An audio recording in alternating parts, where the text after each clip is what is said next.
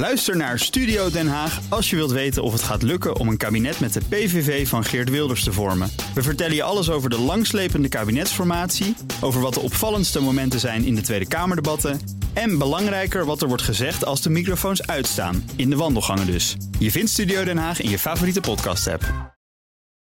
De Friday Move wordt mede mogelijk gemaakt door Arend. Voor een slimme en gezonde werkomgeving.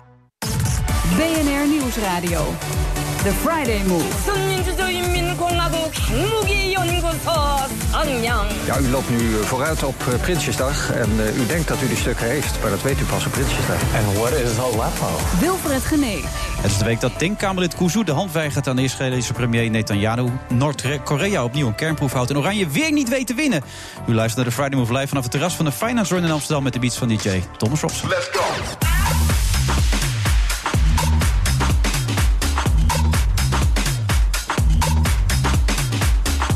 Hij belooft een eh, staatsgreep in de media na zijn turbulente vertrek bij de Telegraaf. Ik heb het natuurlijk over Jules Paradijs. Hij is vandaag mijn co-host. En van landskampioen naar dreigende degradatie. Erik Dijkstra maakt een documentaire over het rampjaar van FC Twente. En komt de verandering in de levenslange vervangingsstraf in Nederland. De Tweede Kamer debatteerde er gisteravond over. En Oscar Amberstein, advocaat, praat bij ons over.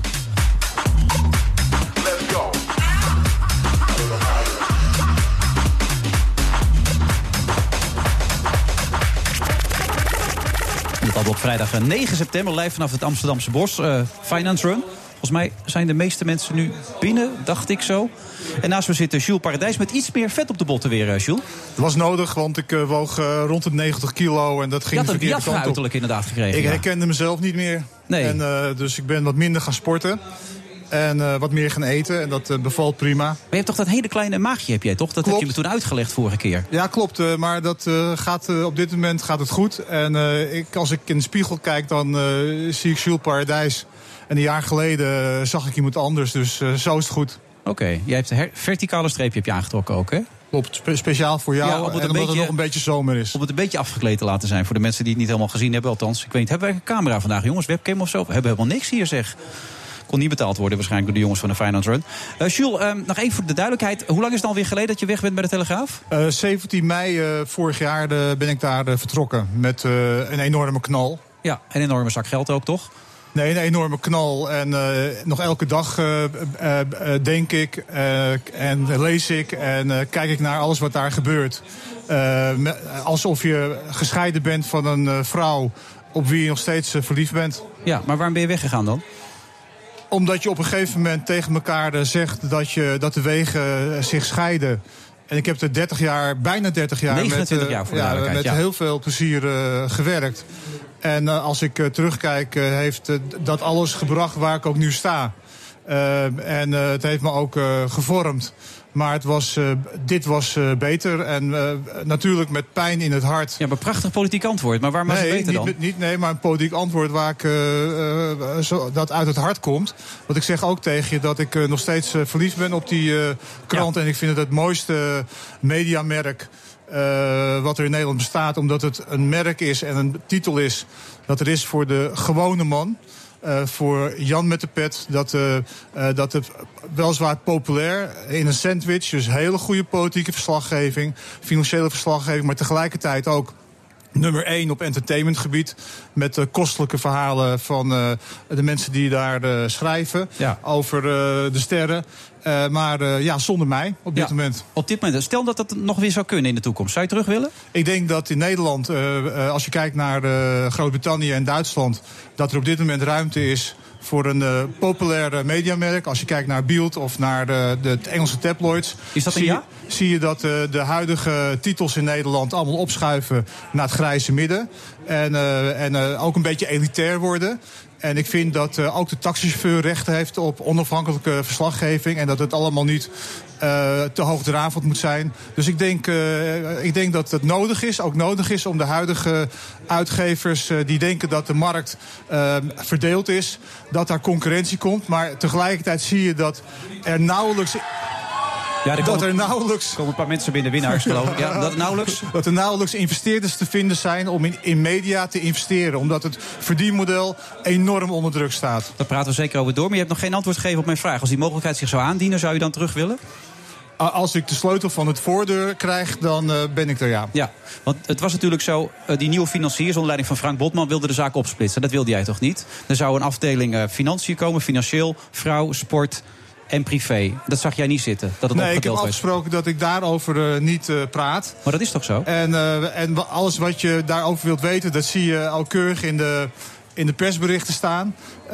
ik, ik heb gewoon gekozen voor, om, er, om er uit te stappen. Nee, maar je wilde je leven geven. Ik bedoel, ik, ik heb mensen van de redactie gesproken. Die zeiden ook, Jules stond voor ons. Een prachtig afscheid ook. Die mooie kop natuurlijk op die telegraaf. Ja, iets, wat, ik, iets wat ik overigens zelf buitengewoon, ja, zeer waardeer. Ja. Maar het zou onder mijn leiding waarschijnlijk nooit gebeurd zijn. Nee, maar het is een prachtig afscheidscadeau. Maar het is iets wat je, wat je raakt. En, ja. Uh, en het, uh, ja, het is met een enorme knal gegaan.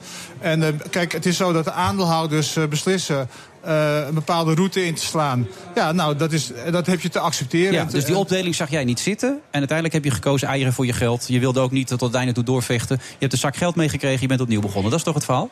Nou, ik ben tot vorig jaar oktober ben ik daar in dienst geweest. En we zijn dus in uh, januari begonnen met uh, Trusted Media. Ja. En uh, daar stop ik alle energie in. Maar dat neemt niet weg dat ik elke ochtend voor, dat, voor dag en dauw uh, kijk wat er uh, met die telegraaf gebeurt. Ja, je, die liefde geloof ik wel. Uh, maar, maar, maar jij wil, naar de feiten nee, maar jij wil van mij dingen horen over. Je hebt het over een zak geld en je hebt het over alles wat er achter de schermen gebeurt. Ja, dat is niet mijn pakkeaan op dit moment. Nee, dat begrijp ik ook, omdat jij een afspraak hebt gemaakt dat je er niets over mag zeggen. Alleen, alleen wat ik zeg is dat als het gaat om het verdienmodel van onafhankelijke journalistiek. Ja, je gaat staat, er steeds weer weg. Dat staat, prima, dat staat enorm onder druk, zoals ze bij BNR en FD ook weten. Ja. En, maar, en, en dat zie je natuurlijk dat het uiteindelijk ook leidt tot conflicten tussen uitgevers en hoofdredacteuren. Maar je gaat, ja, en die conflicten die worden in dit soort gevallen beslecht door de mensen die het betalen mogen. En die het bepalen allemaal ook. En dan moet je je opgeven. Toch, uiteindelijk heb je het toch moeten opgeven, gewoon de strijd. Daar komt het op neer. Nou, dat denk ik niet, want het is een, uh, ik heb tot het, al, tot het allerlaatste moment de belangen uh, gediend van de, van de uitgever. Je, je, je vertelt net over de liefde. die, je vertelt net de liefde die je nog steeds sterk voelt voor de vrouw die je kwijt bent. Ja, natuurlijk. Dus in zekere zin heb je, heb je, toch noodgedwongen afscheid moeten nemen. Kijk, dat je er niet zoveel mag zeggen, begrijp ik wel. Je, moet ook, je hebt je zwijgplicht vanwege die zak geld. Maar als je dan een aantal mensen van de redactie spreekt, die waren een klein beetje teleurgesteld dat je de strijd had opgegeven. Kun je dat voorstellen? Uh, natuurlijk, maar dan weten ze natuurlijk ook niet uh, uh, welke, wat daaraan vooraf is gegaan. En ik respecteer ook dat zij dit vinden. Maar, maar ik kijk er op een andere manier naar. Wat ik zie in Nederland, dat we een klein taalgebied hebben. Dat het verschrikkelijk moeilijk is om ertussen te komen. Ja. Want ik vind dat ook de grote concerns, als je praat over de persgroep TMG en NDC, dat ze recht hebben op sterke concurrentie. En wat je ziet is dat die concurrentie in Groot-Brittannië er is. Dat er in Duitsland er een gevecht wordt geleverd. Natuurlijk ook met andere media, met nieuwe media. Maar ik vind dat er in Nederland ook plaats moet zijn dat er investeerders moeten opstaan. Nu moeten we praten met buitenlandse investeerders. Maar waarom niet, waarom niet in Nederland? Waar, waarom kan er in Amerika zijn er wel investeerders die groot bijvoorbeeld in de Washington Post uh, stappen? Dus en waarom niet in Nederland? Ja, je roept nu investeerders op om dat bijvoorbeeld met de Telegraaf te doen, alsnog. Om zo'n soort medium weer opnieuw of iets nieuws. Of iets nieuws. Of iets nieuws. Ik denk dat er nog steeds een uh, goed uh, belegde boterham verdiend kan worden. Weliswaar op een andere manier. Anders journalistiek wordt, in, wordt, ingevuld. Maar je kunt het wel uh, je kunt het echt verantwoorden. En daar zou jij de leiding aan kunnen geven dan? Als die financiers jou opzoeken dan? Dan zouden wij daar leiding aan kunnen geven, ja. Wie is wij? Jan Kees Emmer en een aantal Trusted andere media, mensen. zeg maar jouw bedrijf. Zeg en een aantal andere mensen. Ja. Er, zijn genoeg, er is genoeg talent loopt er rond ja. om hier aan mee te werken. En dan praten we niet over uh, dat mensen 350 euro per jaar moeten betalen. Maar net zoals bij Netflix, voor een heel laag bedrag. bedrag. Ik denk dat je ervan uit moet gaan dat Nederland rijp is voor, om voor een heel beperkt uh, bedrag uh, journalistiek te krijgen. Die, die en in print, maar ook op andere platformen aangeboden wordt. Gelet op het feit dat je al een tijdje rondloopt, vrij nu weer. Praat je er al met grote partijen over of niet? Over dit soort ideeën? Natuurlijk. Grote financiers die dat denk je. Ja? Natuurlijk. Dus dit hangt misschien al in de lucht wat je nou aan het vertellen bent. Ja, maar het is uh, verdomd uh, lastig. Uh, maar daar zijn we over aan het praten, ja. Oh. Zo. Nou, zo, dat ja, is nee. logisch. Ja, logisch. Maar ja, wie weet is... dat er inderdaad weer iets nieuws uit gaat komen. Ja, dat vind ik toch, dat, maar, het is toch logisch? Ik ben er 30 jaar in actief. Ja. Nou, en, en, het is altijd interessant. We zeggen maar gewoon van je, je roert in een uh, kop uh, soep... waar de ballen in komen bovendrijven als je erin roert. Nou, dat zijn we aan het doen. Niemand kan ons dat uh, ontzeggen dat Vind we dat niet mogen. tegelwijsheidje wat je nu gebruikt. Maar ik begrijp ongeveer wat je bedoelt, Jules. nou, okay. Je hebt geen foute dingen gezegd. Volgens mij krijg je geen boete van die financier die jou die zak geld heeft meegegeven. Ik heb het geroepen, jij niet. Dus je hoef je nergens wat, zorgen. Wat heb je geroepen? Nou, hoe het gegaan is. Dat je die opdeling niet wil. Dat je uiteindelijk hebt opgegeven, zak geld hebt meegekregen. Maar dat je er niks geval Heb ik wil niks zeggen. over gezegd. Nee, dat bedoel ik, dus je hoeft je geen zorgen te maken. We gaan er een leuke uitzending van Ja, maken. die worden hartstikke leuk hier in het Amsterdamse Ja, bos. Tot half zeven zitten we hier in het Amsterdamse bos. Tot zo na de reclame. Het is eh, vrijdag 9 september. We zitten vandaag in het eh, Amsterdamse bos. De Finance Run. Is hij nog bezig raak, jongens? Of zijn ze allemaal al binnen? Ja, ook die. Iedereen is. Oh, hij is nog steeds bezig. Het is hier eh, volle bak. Naast me Jules Paradijs. Ben je een beetje een hardloper of eh midden een Eh, doodloper? Nee, nee, ik ben eigenlijk een zwemmer. Ik heb altijd bij de Koninklijke Amsterdamse Zwemclub 1870, de oudste zwemvereniging van Nederland, aan wedstrijdzwemmen gedaan. Ik was een goede schoolslagzwemmer. Achter de Nederlandse kampioen aan, dat wel. En waterpolo. Oké. Eh, tegenwoordig eh, ja, af en toe een beetje rennen. En, eh, Maar met, de- met die lengte van jou stond je neem ik aan gewoon in het water. Zwom je toch niet, of wel? Nee, ja, nee, toch nee, wel? Nee, ging, ging vrij hard. Oké, maar voetbal heb je niet veel mee waarschijnlijk dan. Jawel, want ik volg het op de voet en ik lees alles erover. Maar ik vind het een beetje saai, want het duurt 90 minuten. Het kost 90 minuten van mijn leven. Ja. En ik kijk alleen naar de uitslag en ik lees de commentaren. Ben jij blij dat Twente nog in de eredivisie is? Of had je zoiets van, had ze nou in godsnaam degraderen met alles wat daar gebeurt? Nee, want ik ben blij dat ze er zijn, want ze hoorden, ze horen te zijn. En wat ik, eh, ik heb het gevolgd, eh, dramatisch natuurlijk, al eh, jarenlang. Maar wat ik wel heel erg goed vind en wat ik heel sympathiek vind... dat is die man die nu naar Ajax komt, die Ziyech. En die volg ik een beetje. En ik heb het gevoel dat die jongen het waanzinnig goed begrijpt... en heel veel sympathie ook heeft van de supporters van Twente. Nou, ik vind het wel opmerkelijk, want Ja. toevallig staat Erik Dijkstra afgelopen zondag bij, bij Jack en zei... het is eigenlijk een hele nare man, zei hij. Nou, nee, ik, Zo zei het. eh, Zo zei ik het ook. Het is Ja. niet zo'n hele aardige jongen. Nee. En wat ik, wat ik van Sieg niet zo chic vond... Kijk, hij ging weg, zijn laatste wedstrijd bij Twente. Wonnen we met 3-1. Hij scoorde twee keer en nam afscheid van de fans. We stonden met z'n allen te juichen. Het was een fantastisch moment. Hij gaat naar Ajax. Nou ja, prima. Zegt hij in zijn eerste interview bij Ajax, zegt hij... Ja, ik had er ook eigenlijk helemaal geen zin meer in met Twente. Kijk, dat is niet netjes. Ah, dat ik dan- dat dat heb jij nooit over de. Telegraaf gezegd. Maar vind je het gek wat daar is gebeurd? En hij heeft de, het team de afgelopen maanden tijdens die enorme Ja, ellende... maar dat heeft je hij, niet. heeft het team op sleeptouw genomen. Daar ben ik helemaal met je eens. Dat is absoluut waar. Dan en het is, je ook, dat. het is ook een geniale voetballer, hè? En ik hoef ook niet met hem op vakantie. Oh, nee. Maar het is een geniale voetballer en hij heeft ons in de Eredivisie gehouden. In en hij gaat laatste bij ons- Ajax grote dingen Wat doen. zeg je nou, Ons, ons? ons FC Twente. Ja, dit is een objectieve Oh. journalist. Ja, ik vind het schandalig. Ik zou er zelf... als het over Twente gaat, gaat alle objectiviteit bij mij overboord. Ik heb daar zelf- Maar jij heb hebt, helemaal ook, geen eh, last van. jij hebt ook meebetaald aan de redding van Twente, begrijp ik. Nee, daar heb ik niet aan mee betaald. Vond je niet nodig? Nee, ik vind niet dat eh, gemeenschapsgeld moet worden aangewend om eh, voetbalclubs te redden. Dus dat de gemeente nu garant staat, dat vind jij eigenlijk helemaal niks. Ik heb daar wel moeite mee, ja. Maar nou had je club niet meer kunnen bestaan. eh. Ja, daar kun je over. daar- weet je, kijk, Twente is de club van mijn hart. Daar sta ik achter en daar ben ik voor. Maar ik vind op het moment dat er gemeenschapsgeld moet worden. En ik kom uit Enschede. Enschede is een arme stad. Er zijn veel werklozen. Ze hebben De daar moeite om. eh, armste stad van ze hebben daar Nederland, moeite. Het is, niet, het is niet de armste stad, Dat maar wel, maar wel top 10. documentaire gezegd. Ja, iemand anders zegt dat. Ja. Het is een van de armere steden van Nederland. Er is daar moeite om, om een rollator te kopen voor iemand die slecht kan lopen. En om dan te zeggen, als de stad, arme stad van we stoppen 30 miljoen, staan we garant van een voetbalclub. Heb ik moeite mee. Oh, opmerkelijk. Want die documentaire die dus aanstaande maandag tegenover Voetbal Insight wordt uitgezonden. Het laatste jaar van FC Twente. Waarin je prominent aanwezig bent. Je opent het trouwens in een korte broek die je nu ook aan hebt. Ik dacht dat het een gimmick was voor de documentaire. Maar die draag je dus echt, begrijp ik. Die... Dit is een, een hele vrolijke korte broek, vind ik dit. Gewoon gezellig. Ja, Is toch leuk? Is Nee, die beter is- in de gesponsorde rotzooi die jij altijd draagt over het geneden. dat is waar. Daar heeft hij gelijk Verdorie, inderdaad. Ja. Altijd met die grote merken in beeld, weet je. Dat vind ik dat. wel iets beter staat, eerlijk gezegd. Maar dat maakt verder niet uit. Anderhalf uur duurt hij maar liefst. Ehm, wat voor gevoel bekruipt er bij jou als je nu terug zit te kijken? Want je hebt er hard aan gewerkt, maar... Als ik hem nu terugkijk, dan schrik ik er bijna van hoe, hoe gestoord en raar jaar het was. Kijk, eh, eh, we begonnen met die film omdat er vorig jaar ook al problemen waren bij Twente. Ja. En toen begonnen wij met deze film en toen werd vrij snel weer Alfred Schreuder ontslagen. En toen zeiden de regisseur en ik tegen elkaar, nu hebben we het ergste gehad. En dat was nog maar het begin. En het werd steeds erger. En iedere week kwamen er weer ergere dingen. En, en dat, dat culmineerde uiteindelijk gewoon in dat die club eigenlijk bijna niet meer bestond. En eigenlijk al door een foutje van de KVB nu nog bestaat. Althans Ja. in de eredivisie. Het oog van de naald. Ik heb, wel, ik heb nog wel eens het idee dat sommige mensen in Enschede niet eens beseffen... hoe klein dat gaatje is waar wij doorheen zijn gekropen. Hij had ook niemand meer verwacht. Ik bedoel, de rechter had al besloten dat ze dus naar de eerste divisie Ja. moesten. En toen zei de beroepscommissie van de licentiecommissie... omdat de KVB een gerechtvaardig vertrouwen heeft geschapen... bij FC Twente dat ze nog een kans hadden, daar mogen ze blijven. Dat snapt bijna niemand volgens mij. Dat is ook heel juridisch Nee, wat ja, maar zeg. goed, eh, wat, wat, kijk, ik ben blij met die beslissing. Want mijn club bestaat nog. Hè? Ja. Nou ja, bestaat nog. Eh, Ze bungelen onderaan eh, het, het eh, rechte rijtje, eh, begrijp ik. Nee, ze staan zeven. Dus ze hebben twee gewonnen en twee verloren. Oké, dat is een kwestie Doe van nog één keer tijd. opnieuw dit, eh Jules. we Ze dit staan in het Ze linker staan rijtje. onderaan. Ja, nee, ik heb soms wat moeite met links en rechts. eh, Ik merk het, ja. ja. Maar, wat ik niet, wat ik dan niet snap is dat je zegt van ja, eh, er mag geen belastinggeld eh, mag er naar die eh voet, betaalde voetbalclubs. Dat ben ik helemaal met je eens. Want als je daarmee stopt, ook in Eindhoven, daar is ook een rare constructie met het veld. wat daar gebeurd Weet je, dus dan stort het hele voetbal in. Maar dat willen, maar dat willen we natuurlijk ook niet. Nee, maar dat is ook, vind ik ook vaak een beetje de spagaat die op de hele voetbal zit. hè. En kijk, binnen die voetbalwereld worden die bedragen steeds meer en steeds extremer. En Ziyech, geweldige speler, die verdiende bij ons, bij FC Twente 9 ton. Die verdient nou bij jouw favoriete club Ajax denk ik anderhalf miljoen.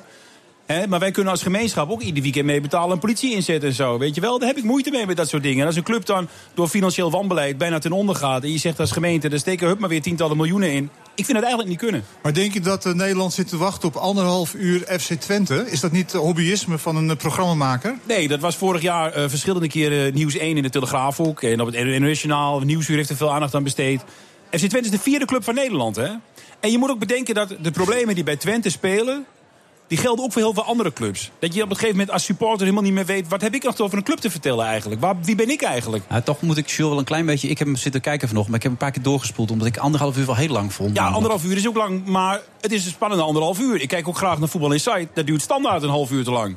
Ja. Duurt iedere uitzending Maar dat vind ik namelijk zelf ook. Ja, dan Maar knip, dat- knip dat half uur dan af. Ja, dat hebben we al heel vaak tegen de directies gezegd. Maar wat denk je dat de directie dan zegt? Ja, Heb je de kijkcijfers gezien, zeggen die dan?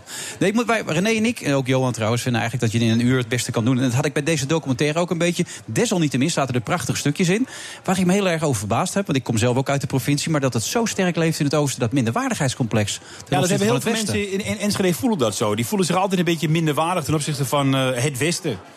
En Ja, maar dit was heel sterk. Dat waren alleen maar complottheorie. Dat het alleen Ja. maar gebeurde omdat Twente uit het oosten kwam. Dat ze zo gepakt werden. Was het bij Ajax aan de hand? Was er Ja. nooit wat gebeurd, werd er gezegd in die Ik, ik moet je heel eerlijk zeggen dat ik dat zelf niet zo ervaar. Ik heb dat eigenlijk nooit gehad. Ook, En jij eh, komt uit Glanerbrug, hè? Ja, ik, nou, ja dat, is, dat, moet, dat is nog oostelijker dan Enschede. Hè? Moet je nagaan. Sinds kort. Kabel-tv begreep ik. En de regulering komt nog. Ja. Maar, maar als het gaat om de hoofdrolspelers, eh, wie, wie eh, stel jij verantwoordelijk voor eh, de rampzalige toestanden die daar eh, hebben plaatsgevonden? Ja, het Is dat Munsterman? eh, of wie wie, Ja, wie zijn, mannen, wie zijn volgens jou de schuldigen? Die mannen moet je aan denken. Aldo Eh, van Joop der Laan. Munsterman, Aldo van der Laan.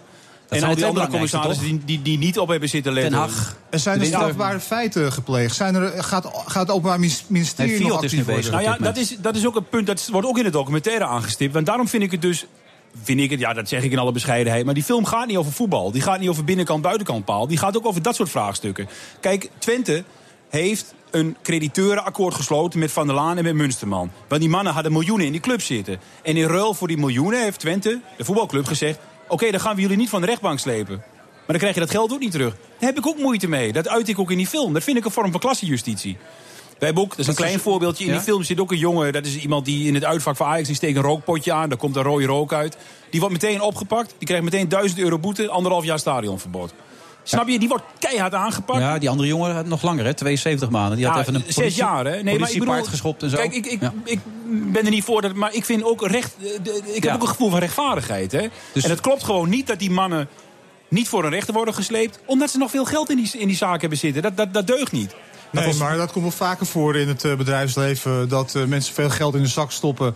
En, eh en ze er goed mee wegkomen. ja, maar dat, Dus, eh, is toch ook niet oké? Maar wat ik nog ernstiger vind, eh, Jules... ik heb dus die documentaire grotendeels zitten kijken... is hij krijgt uiteindelijk Joop Munsterman aan de lijn. Dat probeert hij ook een paar keer in die uitzending... en dan krijgt hij de voicemail. Zegt trouwens die jongen bij jou in de auto... goed, goed ingesproken, die voicemail, zegt Ja. hij. Dat vond ik fantastisch. Ja, voor iemand uit Glanenbrug zegt u er nog bij. Ja, maar dan krijg je op een gegeven moment Joop aan de lijn. En Joop is over het algemeen heel verontwaardigd. Die, die zegt, ja, maar ik heb me twaalf jaar van mijn Ja. leven weer gestoken. Ik heb er niks mee verdiend. En daarna mij zijn nog bonnetjes ingevuld.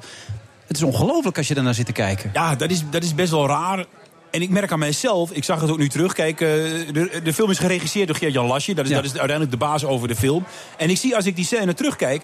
Ik, zie, ik ben ook kwetsbaar in die scène. noemt maar ik jou- heb de hele film... Ik, ik kan Joop, die, die, die verafschuw ik omdat hij de club bijna heeft, heeft zeg je ook kapot gemaakt. hem, ja. Ja. Maar hij is ook de man die onze club ook kampioen heeft gemaakt. En dat Precies, dat is ja, het. Hè? dat Want, eh, want eh, nu wordt hij eh, natuurlijk Ja. als een Verrij, Jos Verrij wordt hij eh, behandeld. Ja. Als een melaatse. Maar toen Twente het heel erg goed deed, eh, toen was er eigenlijk Ja, ook nauwelijks... dat maar is een waar. paar journalisten eh, van de Twentse Courant, of van de Tubantia... Ja. die toen wel al eh, aan, de, aan, aan de bel trokken. Hè? een maar toen, liep, eh, toen liep jij ook eh, keurig achter de, achter de meute aan. Zit een stond- opname in, en stond staat je te juichen op ja. op Maar Jules, voor mij is dat ook kwetsbaar om terug te zien. Want ik heb, ik heb ook met die schaal staan zwaaien. En een paar van die journalisten die jij nu aanhaalt van Tubantia... die volgen wij ook in die film.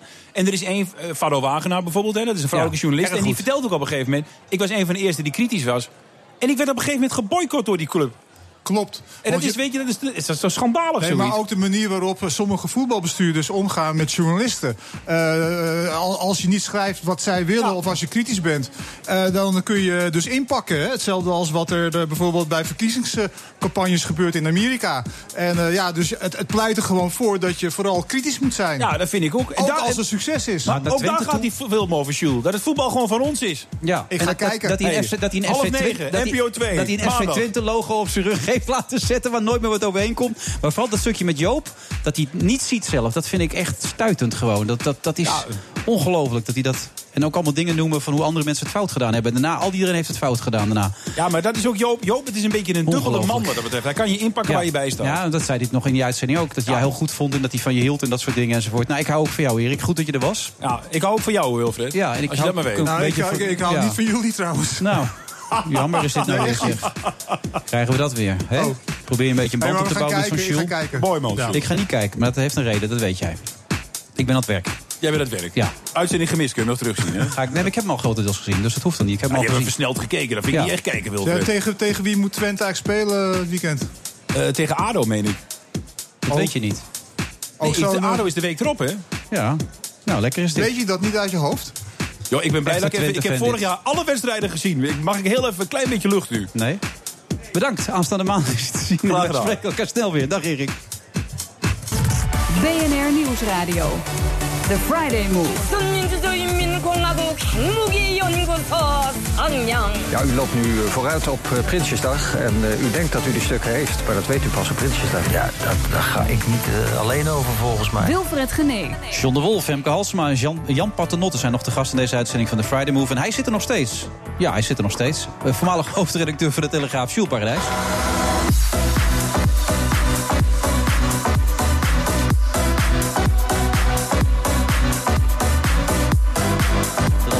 Eh, Amsterdamse bos, de Friday Move Live. Vandaag de Finance Run. Allemaal mensen die uitgeput binnen zijn gekomen. Nu rustig aan aan een biertje of een, eh, een watertje gaan zitten. De muziek, u weet dat van DJ Thomas Robson.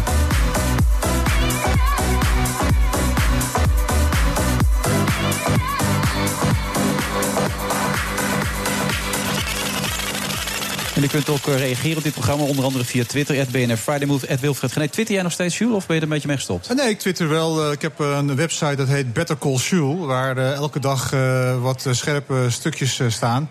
En dat twitter ik dan. Maar ik ben niet de hele dag bezig eh, gesprekken te voeren. Maar je had ook nog een blog, toch, waar iedereen beter... Better Call Saul? Better Call Saul, ja. Ja? Het is een uit, uit de hand gelopen grap.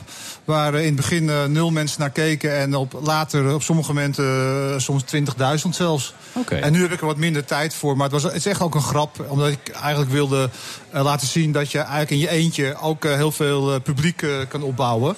Eh, eh, als voorbeeld voor eh, ja, allerlei nieuwe uitgevers in Nederland. Want dat, je laat, die- dat laten al die vloggers er ook nu zien, die jongens. eh. ja, daarom. Maar je hebt die traditionele uitgevers Ja. die een verdienmodel zien verdampen. En tegelijkertijd zie je bedrijven, overheden, individuen.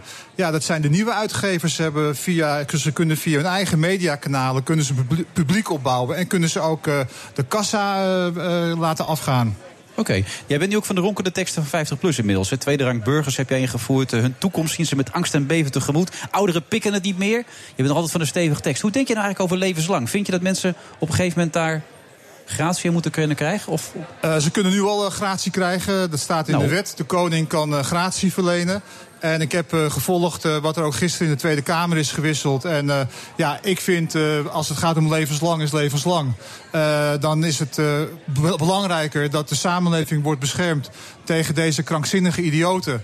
En dat de nabestaanden het gevoel hebben dat een straf is een straf. Eh, dus als er, als er allerlei internationale regels zijn die, eh, waardoor wij eh, na 25 jaar deze mensen op straat moeten gaan zetten, dan zeg ik dan doen we dat gewoon niet. En dan, dat, dat laten we niet door anderen ons zeggen. Die 25 jaar eh, is geen levenslang. En de, dus, ik, eh, dus ik ben daar dus niet eh, met eh, het kabinet eens. Ik, eh, ik, ik kijk er niet van op op een of andere manier. Ik had zo'n gevoel dat je dit antwoord zou geven. Oscar Hammerstein, hartelijk welkom. Dat van die gratie klopt dat helemaal, de koning enzovoort? Of... Dat, ja, het stelt me wel teleur, want ik ben een grote fan van, eh, van Jules. En Jullie kennen elkaar ken goed hem al lang, hè? We kennen elkaar al wel 30 jaar, denk ik, hè? Ja. Maar ehm, hij weet net als ik dat het, eh, het, het... Het voelt ook veel beter om humaan te zijn. En we zijn ongeveer het enige land in Europa wat geen, voor, in, geen voorwaardelijke invrijheidstelling krijgt. Het is niet zo dat je na 25 jaar tegen iemand die levenslang heeft gekregen zegt... je mag nu naar huis toe. Uh, uh, zoals het kabinet het nu wil gaan doen, komt er eerst een commissie... en daarna beslist de rechter of je kunt gaan. En in alle landen van Europa waar men levenslange gevangenisstraf oplegt... is dat een voorwaardelijke vrijlating. Dat betekent dat je hoeft maar het minste en geringste aan een uh, misdrijf te beginnen. En je gaat terug en dan kom je waarschijnlijk nooit meer vrij. Ja, maar hij noemt het gevaarlijke gekken die een gevaar zijn voor de samenleving. Dus als ze dan iets uithalen, nou, zou het dusdanig extreem kunnen zijn natuurlijk. Ja, dat is een beetje, dat heeft hij misschien destijds bij de Telegraaf geleerd, om dat zo te zeggen. Het, het zijn in ieder geval geen lievertjes die levenslang krijgen. Je kunt ervan op, op aan dat mensen die levenslang krijgen wel de gevaarlijkste misdadigers ja. zijn die voor de rechter zijn gekomen. Althans, de meest, de meest ernstige feiten hebben begaan. maar het maakt ook nog een verschil. Want er zijn mensen die krijgen levenslang als ze 21 zijn. Of mensen krijgen levenslang wanneer ze 85 zijn. En uh, ook dat speelt een rol. Uh, uh, iemand, iemand van 21 die buitengewoon ernstig in de fout is gegaan. Ja, dat moet je daar nou van zeggen. Je krijgt, dan krijg je dezelfde straf als iemand van, uh, die dat pas 30 jaar later gaat doen. Maar, maar, als, maar meneer Hammerstein, Oscar. Oscar. Eén, ik vind het heel logisch dat een advocaat dit vindt. Uh, maar in de tweede plaats is het zo dat... Waarom vind je dat logisch? Nou ja, omdat dat, uh, dat natuurlijk uh, komt een advocaat op voor de belangen van cliënten. Maar als je kijkt naar het aantal keren dat een rechter levenslang oplegt in Nederland... is zeer beperkt. Hè. We praten over een heel klein... 36 mensen met een levenslange gevangenisstraf. Nou ja, dat, dat, dat over een periode van, van enkele decennia valt dat reuze mee. Ja, maar ik zou, ik zou maar, vertellen, een rechter als, als we geen voorwaardelijke invrijheidstelling krijgen... na een lange periode van 25 jaar... dan heb je een grote kans dat rechters ook helemaal nooit meer levenslang zullen opleggen. Maar ik vind de belangen van bijvoorbeeld de familie Kloppenburg, Joes Kloppenburg, zinloos geweld. En er zijn zat andere voorbeelden. Ik vind die gevoelens van die nabestaanden vind ik veel zwaarder wegen dan zeg maar, het gevoel van die gevangenen. Die dan het gevoel moeten hebben dat, die, dat er nog een toekomst voor hem is. Ja, hij heeft zelf eraan gewerkt dat die toekomst er niet meer is. We hebben geen doodstraf in Nederland. Daar, daar zijn we denk ik met z'n allen tegen. Maar levenslang Gelukkig is levenslang. Wel, ja. ja. nee. Uh, kijk, als je naar individuele strafzaken gaat kijken... Uh, ik vind de belangen van het slachtoffer ook veel zwaarder wegen. Zeker in zo'n zaak als deze dan die van een, uh, degene die veroordeeld is. Ja. Maar dat wil nog niet zeggen dat we hier een systeem moeten hebben dat inhumaan is. En Nederland is al vaker van, dat, van dit soort inhumane maatregelen gered geworden door het Europese Hof. En we hebben een verdrag getekend, het Verdrag voor de Rechten van de Mens. En uh, daarin hebben we ons verplicht voor een humaan, tot een humaan gevangenisstelsel. Ja, het Europese Hof voor de Rechten van de Mens heeft ook aangegeven dat ons systeem. Ja, in een, overigens niet in een zaak tegen Nederland en een zaak tegen Engeland. Maar hebben ze gezegd, als, als je iemand opsluit en um, hij heeft zelfs geen uitzicht, of zij heeft helemaal geen uitzicht meer op een invrijheidstelling, is dat inhumaan. Hoe zou je en het, het kan ook nog een verharding geven. Hè? Net als in Amerika, waar je in staten waar de doodstraf nog bestaat. Um, daar worden veel meer ernstige misdrijven gepleegd. Kijk, eh, als je een politieagent hebt neergeschoten, wat, dan, dan weet je dat je een grote kans hebt dat je de doodstraf krijgt in die ja. staten. Uh, die mensen verdedigen zich tot het uiterste. Uh, dus je krijgt. Uh, het is niet zo dat de samenleving veiliger wordt.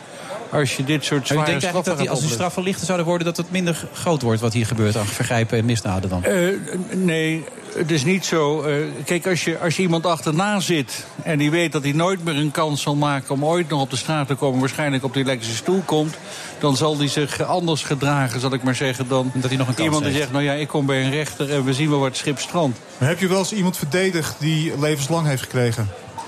Eén uh, in één zaak, ja. Die zit nog vast. En heb je nog contact soms met die... Nee, ik heb, er, ik heb er geen contact meer mee. Maar dat, dat, uh, heel veel advocaten hebben nog contact met mensen die levenslang zitten. Dat idee van staatssecretaris Dijkhoff met die, met die adviescommissie... vindt u dat een goed voorstel dan? Of? Nou, Dijkhoff die wilde het liefst helemaal niets veranderen. Dat idee kreeg ik in ieder geval. Uh, een adviescommissie vind ik helemaal geen gek idee. Maar in eerste instantie, uiteindelijk moet de rechter beslissen. De rechter is degene die in Nederland de straf oplegt. En uiteindelijk moet een rechter ook beslissen of iemand... na een periode van 25 of na 30 jaar... eh, op advies van die commissie eh, voorwaardelijk in vrijheid wordt, moet worden gesteld. Ik Ik, hoor- vind dat dat altijd Ik voorwaardelijk hoor moet Jules zijn. zeggen de koning. Is het wel eens gebeurd in het verleden dan? Dat de koning ingegrepen? Of de Heel weinig. Het is geloof ik twee keer gebeurd.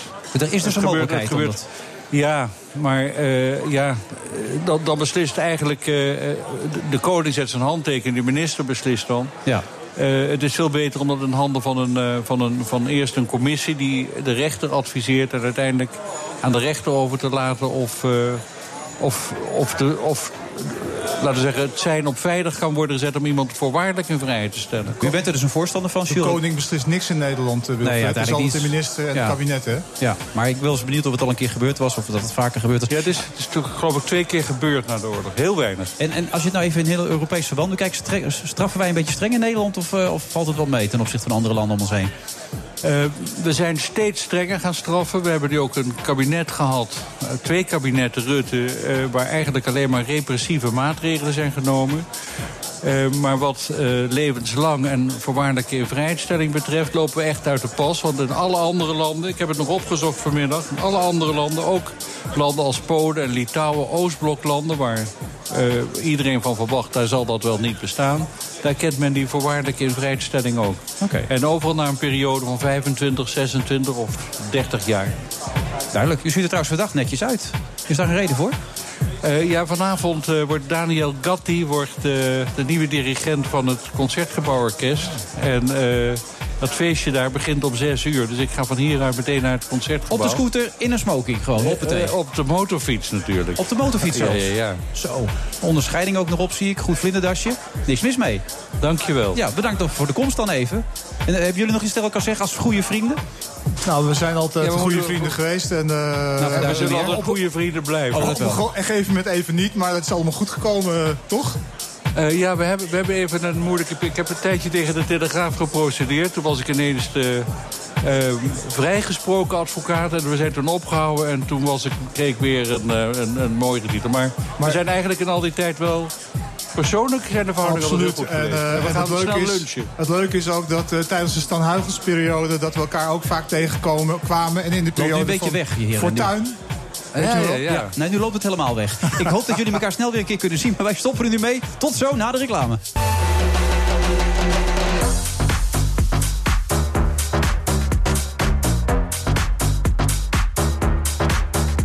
Friday Move van de vrijdag 9 september. We zitten bij de Finance Run, waar iedereen zich nu laaft aan de nodige lekkere drankjes. Ze hebben ook hard gelopen met z'n allen. Natuurlijk de omstandigheden hier perfect, lekker weertje. En naast me nog steeds eh, Jules Paradijs. Je hebt nog steeds een jasje aan, Jules. Heb je het niet waar? Eh, nee, dat heb ik eh, geleerd op school. Dat ik eh, me altijd netjes moet kleden als ik uitgenodigd word. Oh, oké. Dat is toch al een tijdje geleden. Wanneer zat je op voor laatst op school? Eh, nou, ik ben 54, hè, dus dat, eh, in- ik zat in de studentenbankjes naast Dolf Jansen. En Dolf had altijd een eh spijkerjekje aan en eh, ik een jasje, dasje. Ja. Nou, jasje misschien niet, maar jasje wel. Ongelooflijk, dat contrast inderdaad. En met jou is het goed afgelopen.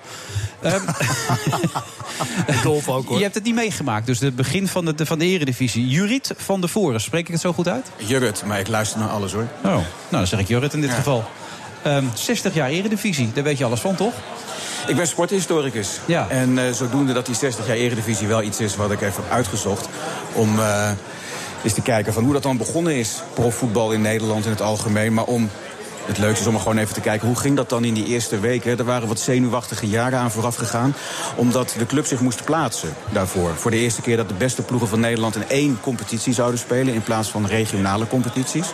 Ajax en Feyenoord die eindelijk na jaren weer eens bij elkaar in één competitie terechtkwamen. Waardoor het echt een klassieker kon gaan worden die wedstrijd. Maar al die verenigingen moesten zich nog wel plaatsen. Dus er heerste nogal wat zenuwen om erin te komen. En toen het uiteindelijk gebeurd was, toen keek heel Nederland wel vooruit naar wat dan die eredivisie zou worden. Een woord trouwens dat uit België komt, eredivisie. Die hadden al twintig jaar een eredivisie, is niet verzonnen in Nederland zelf. En eh, nou, daarop ging men vooruitkijken van Vaas Wilkes komt terug naar Nederland. Die was naar Fortuna gegaan.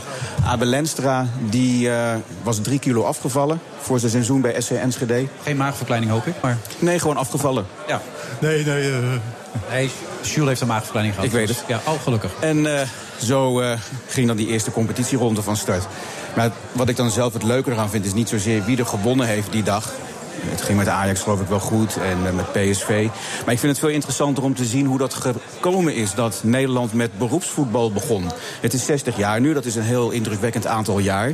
Maar voetbal wordt al 125 jaar gespeeld in Nederland. Dus je kan ook zeggen, waarom heeft het zo lang geduurd voordat er in Nederland betaald voetbal werd gespeeld. Waarom heeft het zo lang geduurd voordat er in Nederland betaald voetbal ja, ter vergelijking, Engeland 1870 hè, begon ermee. Dus uh, liep uh, 80 nee, jaar dat lag enorm gevoelig, toch? Je Ja. had ook wilde bonden en iedereen werd boos. Dat mocht gewoon allemaal niet. Mensen werden ook gelijk weggestuurd. Ja, waar het eigenlijk op neerkwam is van dat er gewoon een enorm verschil was tussen de bestuurders van de voetbalbond, die in een eigen wereld leefden, en de voetballers zelf, die over het algemeen toch gewoon uit het volk kwamen en die wilden hun geld verdienen.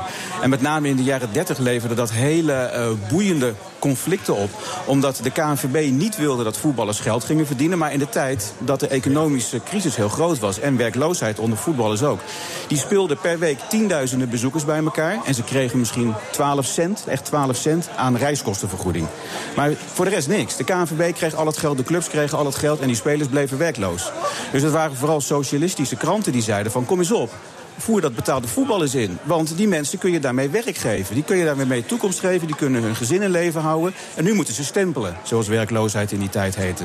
Dus het is heel interessant om te zien dat juist veel progressieve en liberale eh, kranten, de Telegraaf in die tijd ook als liberale krant, die wilden het beroepsvoetbal als antwoord op werkloosheid. En pas twintig jaar later is dat daadwerkelijk gelukt. Dat dus dat betaalde voetbal werd ingevoerd. Waarmee je dus eigenlijk kan zeggen, de klassenstrijd is gewonnen in het voetbal door de arbeiders. Niet daarbuiten. Ja, maar kunnen we nog wel iets leren hiervan? Want die Eredivisie wordt natuurlijk... eh, ja, ik vind het allemaal leuk en mijn kinderen vinden het ook prachtig... maar het wordt toch ook een- soms een beetje weggezet als een soort kabouterdivisie. Mickey hè, waarbij- League wordt er altijd Waarbij er eh, te, te veel clubs in in zitten. Hoe was het vroeger dan? Waar was die, zaten er ook eh, 17 meer. eh, clubs in of minder? Veel meer. Er waren iets 18 van, zitten er nu in. Iets van vier. Ja, je had de eredivisie, dat waren er ook 18. Maar er waren nog veel meer klasses daaronder. Dat waren er echt veel meer dan nu. Dan had je hele kleine clubjes als de Baronie en Reden. De Volenwijkers, de, die toen niet meer zo groot ja. waren. Ja, Zwarte Meer, Klazineveen, alles liep daarin rond. En pas begin jaren 70 werd daar het mes in gezet. Om dat eens goed te gaan reorganiseren. Er waren er veel te veel. Maar wat wel een hele interessante parallel is, vind ik, tussen voetbal in de jaren 30, 40, 50, het bestuur en nu, is van. Je zag in de jaren 30 tot en met 50 dat de bestuurders die snapten de wereld niet van de gemiddelde voetballer. En misschien is dat nu ook wel zo. Dat de bestuurders de gemiddeld niet meer in de wereld leven van de gemiddelde voetballer. En dan bedoel ik niet de profvoetballer, maar gewoon de gemiddelde voetballer, de miljoen mensen die elke week door heel Nederland voetballen. Ja. En dat is gewoon uit onderzoek ook gebleken dat een gemiddelde sportbestuurder is een man, net zoals ik en jullie, blank, tussen de 40 en 60 jaar oud met een hoge eh, opleiding. En ik denk niet dat zij daarmee representatief zijn voor wat er gebeurt op het veld. En als je vindt dat voetbal onderdeel moet zijn van de maatschappij, vind ik dat die maatschappij ook zichtbaar moet zijn en dat bestuur. Maar zouden die bestuurders die daar meer voeling mee hebben... dan zichzelf ook moeten aandienen? Want die dienen zich ook niet te vaak aan, toch? Ik denk dat het ook heel vaak een, een cultuurprobleem is. Of omdat ze niet weten dat er gezocht wordt. Ik, ik weet niet wat voor mechanismes er allemaal aan kunnen zijn. Maar je moet het gewoon wel proberen om meer vrouwen eh, te krijgen in, in voetbalbesturen. Want de KNVB groeit door het vrouwenvoetbal. Maar niet op bestuursniveau. Ook meer Marokkaanse, zeg maar allochtonen. Marokkaanse, ja, ja. Want heel veel van die problemen die ook bij jouw andere tafel worden besproken... bij eh, Voetbal Insight, Ja. over het probleem van Marokkanen... dan kan je... Ik weet niet of dat inderdaad zo is, want er is geen onderzoek. Ik zou het verdomd graag willen weten. Nou, bijvoorbeeld het onderzoek dat Marokkaanse vaders nooit willen rijden, bijvoorbeeld. Ja. Dat, dat is die activiteit die dan of, eh, proactief moeten zijn. Dat zou ook voor een bestuur kunnen gelden natuurlijk. Ja, dan zou ik graag willen weten hoe komt dat. Is dat misschien ook omdat er een taalprobleem is? Of omdat ze zich niet welkom voelen? Eh, Dat kan van alles en nog wat zijn. En dan Ja, zeg dat ik ze geen niet... auto hebben, hè? Dat kan ook. ja. Nee, dat kan ook, Ik ja. zeg niet dus dat voetbalbestuurders racistisch zijn. Hè. Dat is absoluut niet wat ik zeg. Het is gewoon, je leeft in een bepaalde wereld zoals wij allemaal in een eigen wereld leven. Waardoor het niet zo gewoon is om met hele andere culturen in aanraking te komen. En daar moet je je bewust van zijn als je de volkssport voetbal vertegenwoordigt. Maar volgende week eh, eh, wordt de nieuwe UEFA-voorzitter gekozen. Hè, Michael van Praag of die Ja, die wordt het niet. Nee, die Severin, wordt het niet. Severin wordt het inderdaad. Severin, ja. dat Severin wordt ja. het. Maar er wordt ook ondertussen enorm gegoocheld met die eh, Europese voetbalcompetities. Nou ja, dat is mijn vraag ook. We bestaan 60 jaar, maar bestaan we nog wel 60 jaar hierna? Want je- jij zegt, de grote vier competities mogen straks vier teams sowieso leveren aan de Champions League. De kleine Ja. competities worden steeds minder belangrijk. Bestaan we over 60 jaar nog? Jazeker, want toen het eenmaal begon in Nederland... was ook Nederland een klein voetballand waar heel veel mensen naartoe gingen. Dus waarom zou dat nu niet opnieuw ook kunnen? Ik vind alleen dat je wel realistisch moet zijn in Nederland met, met het bestuur. Ik vergelijk het eigenlijk met die amateurs die vorig jaar uit Noordwijkerhout opeens in de halve finale stonden van het bekervoetbal. Dat was volkomen onverwachts. Het zou natuurlijk volkomen idioot zijn als die bestuurders van die amateurs nou gaan zeggen: we gaan een paar miljoen investeren om de komende vijf jaar nog vier keer in die halve finale te komen. In die situatie zit het Nederlandse voetbal dat die aansluiting is er niet meer met die stap hoger. Dus moet ook daarom- niet proberen. Maar daarom moet je misschien ook juist internationaal... daar moet die top 3 of top 4 zich voortdurend meten met de andere topclubs. En niet, en niet afreizen naar Veendam of zo. Of naar, of naar, Veendam is, bestaat niet meer Of helaas. naar Noordwijkerhouten. Die zijn ermee gestopt een aantal jaar geleden. Ik denk dat je je niet meer automatisch moet identificeren met de Champions League... maar gewoon puur volgens de realiteit maar een, een niveau lager moet kijken... of je daar Europees bij aan kan sluiten. Want als jij je beleid je er helemaal op aansluit om de Champions League te willen halen... kijk naar Feyenoord toen zij dat wilden met, met Makai en Van Bronckhorst. Dat is het meest dramatische jaar uit de recente geschiedenis van Feyenoord geweest. Als we dan van tevoren hadden gezegd oh, dat de kans wel heel klein is... om ook met heel veel geld te investeren toch die Champions League te halen die om die club zitten. En die zitten rond de Kuip, rond eh, de Arena, om, rond alle stadions. Daar moet je op richten. Dat zijn gewoon de mensen die jouw club vormen. Geen klanten, maar supporters. Duidelijke tekst. Jurrit van der Voren, 60 jaar eredivisie. En over 60 jaar bestaat hij nog steeds. Dat Zeker is een weten, geruststellende gedachte. We gaan zo verder praten. Onder andere met... Ja, anders heb ik geen werk meer, Ja, eh, maar Sjoerd. 254, eh, eh, hoeveel is Chelsea waard? Is ongeveer de- dezelfde som Ja. als de totale som Verpest het nou niet. balansen Deze van alle Nederlandse clubs. Ja, misschien ben je er één keer tegen, maar niet vaker. Oké, tot zo na de reclame. De Friday Move wordt mede mogelijk gemaakt door Arend. Voor een slimme en gezonde werkomgeving. BNR Nieuwsradio. The Friday Move. Ja, u loopt nu vooruit op eh, Prinsjesdag en eh, u denkt dat u die stukken heeft, maar dat weet u pas op Prinsjesdag. En what is all that? Wilfred Genee. Live vanaf de bosbaan bij de Finance Run in het Amsterdamse bos. Laaiend enthousiaste menigte en onze eigen DJ Thomas Robson.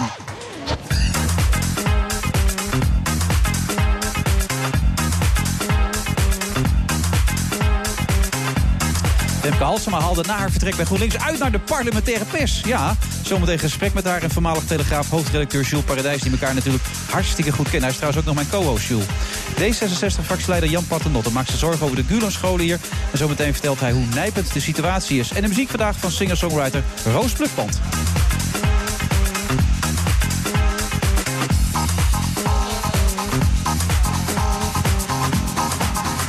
En ook bij ons aangeschoven Menno Luiten. Zojuist in een uur, Menno, heb ik gelopen.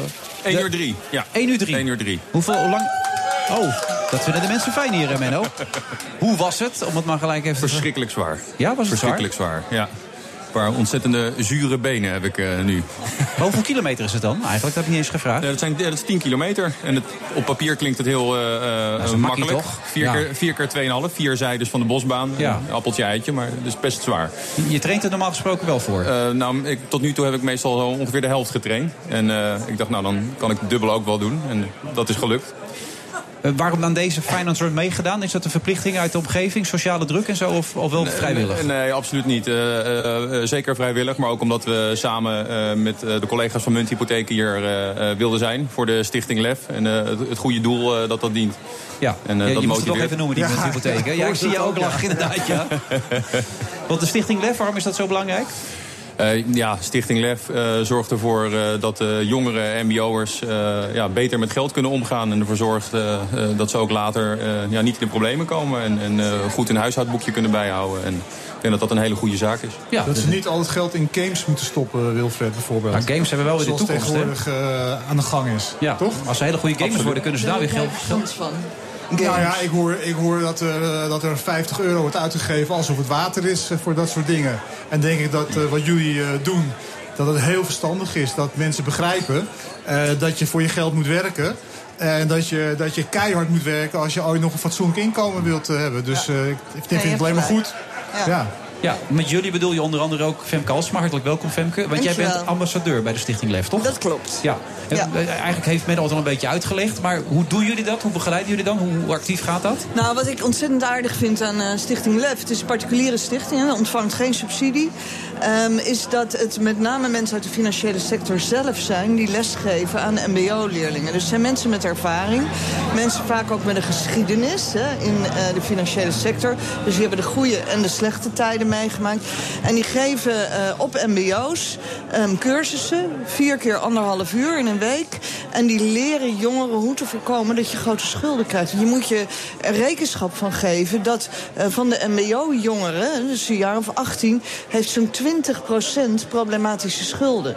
Nou, onder andere door games, hè, niet, niet alleen. Maar dat is natuurlijk hartstikke zorgwekkend... Ja. als je nog aan het begin staat van een leven dat je wil opbouwen. En kun je die ouders ook niet een beetje lesgeven dan? Want eh, daar begint het vaak eh, eh, zeg maar in de bijstand en wel twee grote honden thuis en een grote kleur-tv en een auto voor de deur. Zeg maar als het gaat om hoe, ga je, hoe, ga, hoe, ga je, hoe ga je met je kinderen om? Nou, ik weet niet of alle ouders van mbo-jongeren in de bijstand zitten met een kleuren tv en twee grote honden thuis, eerlijk gezegd. Hij was een beetje telegraaftaal, hè? Je kent ja, nee, dus... dat, dat- ja dat, begrijp, dat begrijp ik. Maar dat is voor de jongeren natuurlijk niet zo leuk om te horen. Die wel hun best doen en van hun schulden af willen. Maar kijk, ik denk dat veel jongeren onder druk staan. Van een consumptiecultuur. Van hè, de wens om heel veel te willen kopen. Erbij te willen horen.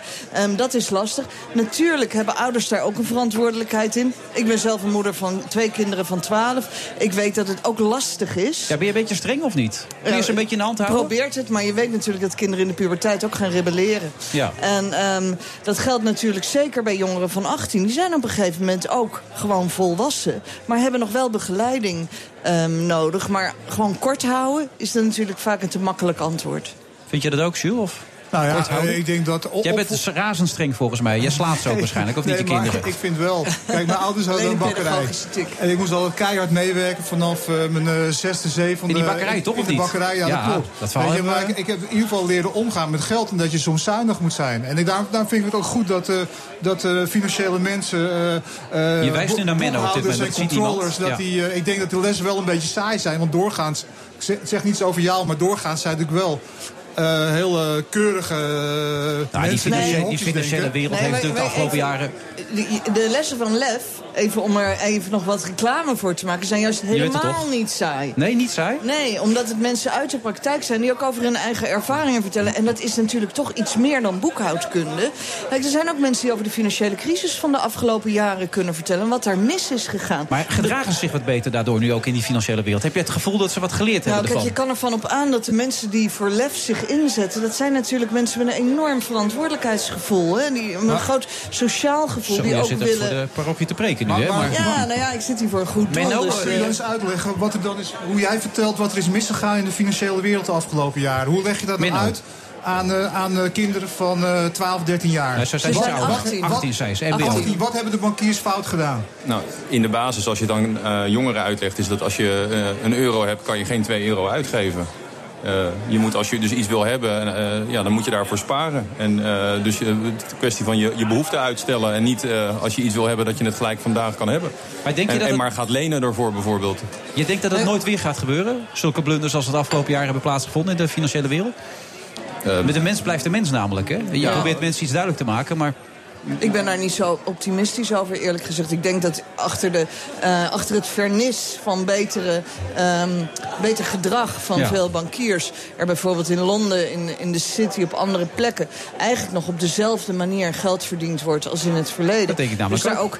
en, en het probleem voor jongeren natuurlijk... die met to- iets totaal anders bezig zijn. hè. MBO-jongeren die een heel ander persoon... die hebben anders dan bijvoorbeeld in de periode dat Jules opgroeide... toegang tot bijvoorbeeld creditcards. Ja. Die worden uitgereikt. Nou, daar ontstaan schulden. Want wees als jongere dan maar eens zo sterk. Bovendien de verleidingen Om te zeggen, die ik wil die sneakers niet. Of ik wil die game niet. Terwijl je hem op de pof zou kunnen kopen. Zou ik zeggen, die verleidingen vroeger waren toch minder groot dan nu? Het is toch voor die kinderen soms niet meer te doen? Nee, dat Alles klopt. komt eh, maar voorbij. maar dat geldt niet alleen voor kinderen, maar dat geldt ook voor de ouders. Die, Ja. eh, waarvan een groot deel, als het gaat om bijvoorbeeld deze meneer zit in de hypotheken. Ja. Nou, je moet ze de kost geven, ouders die eh, te- veel te veel hypotheek hebben genomen. Dus Hm. ja, het, is niet, het zijn niet alleen de kinderen kinderen. Ik bedoel, die financiële moraal zit overal. En als je een paar hersencellen tekort hebt, dan kan het heel vaak misgaan. En dan maakt diezelfde financiële wereld maakt er ook misbruik van. Een paar hersencellen tekort, zo omschrijf je die mensen. Zo zie ik dat, ja. Kun je er nog iets aan toevoegen, Menno, tot slot? Of zeg je van nou, dit eh, brand ik me niet aan? Eh, nee, hier brand ik me niet aan. Nee, dat dacht ik al inderdaad. Ja. Je gaat aan de bier neem ik aan nu, toch? Ik ga lekker biertje Ja, nou, ja, sorry hoor, maar eh, eh, mensen op het mbo en hun ouders... mensen met een paar hersencellen tekort noemen... gaat mij toch een beetje ver. Dat wil ik wel even gezegd hebben.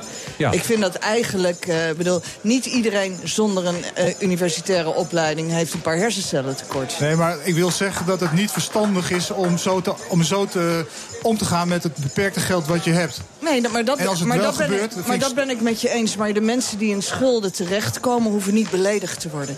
Want soms is het ook overmacht. En soms is de verleiding gewoon te sterk. Nou, Daar hebben we allemaal wel eens last van. Overmacht, eh, daar, daar heb je gelijk in. Als je zonder werk komt te zitten en je, je weet het even niet meer... je komt in de bijstand, eh, tijdelijk in de bijstand, dan kan het gebeuren. Maar ook dan moet je weten hoe, hoe, waar je financiële grenzen liggen. Dat is, dat is je verantwoordelijkheid. En daarom is lef zo ontzettend zinvol. Ja, dat kunnen we als doen. Je blijft nog even zitten, Femke, hè? Of, Ja, of vind je het niet meer? Oké, je blijft... Ja. Menno, bedankt. En dan ga lekker aan het bier. En wij gaan er even door. Zo meteen na de reclame. Tot zo.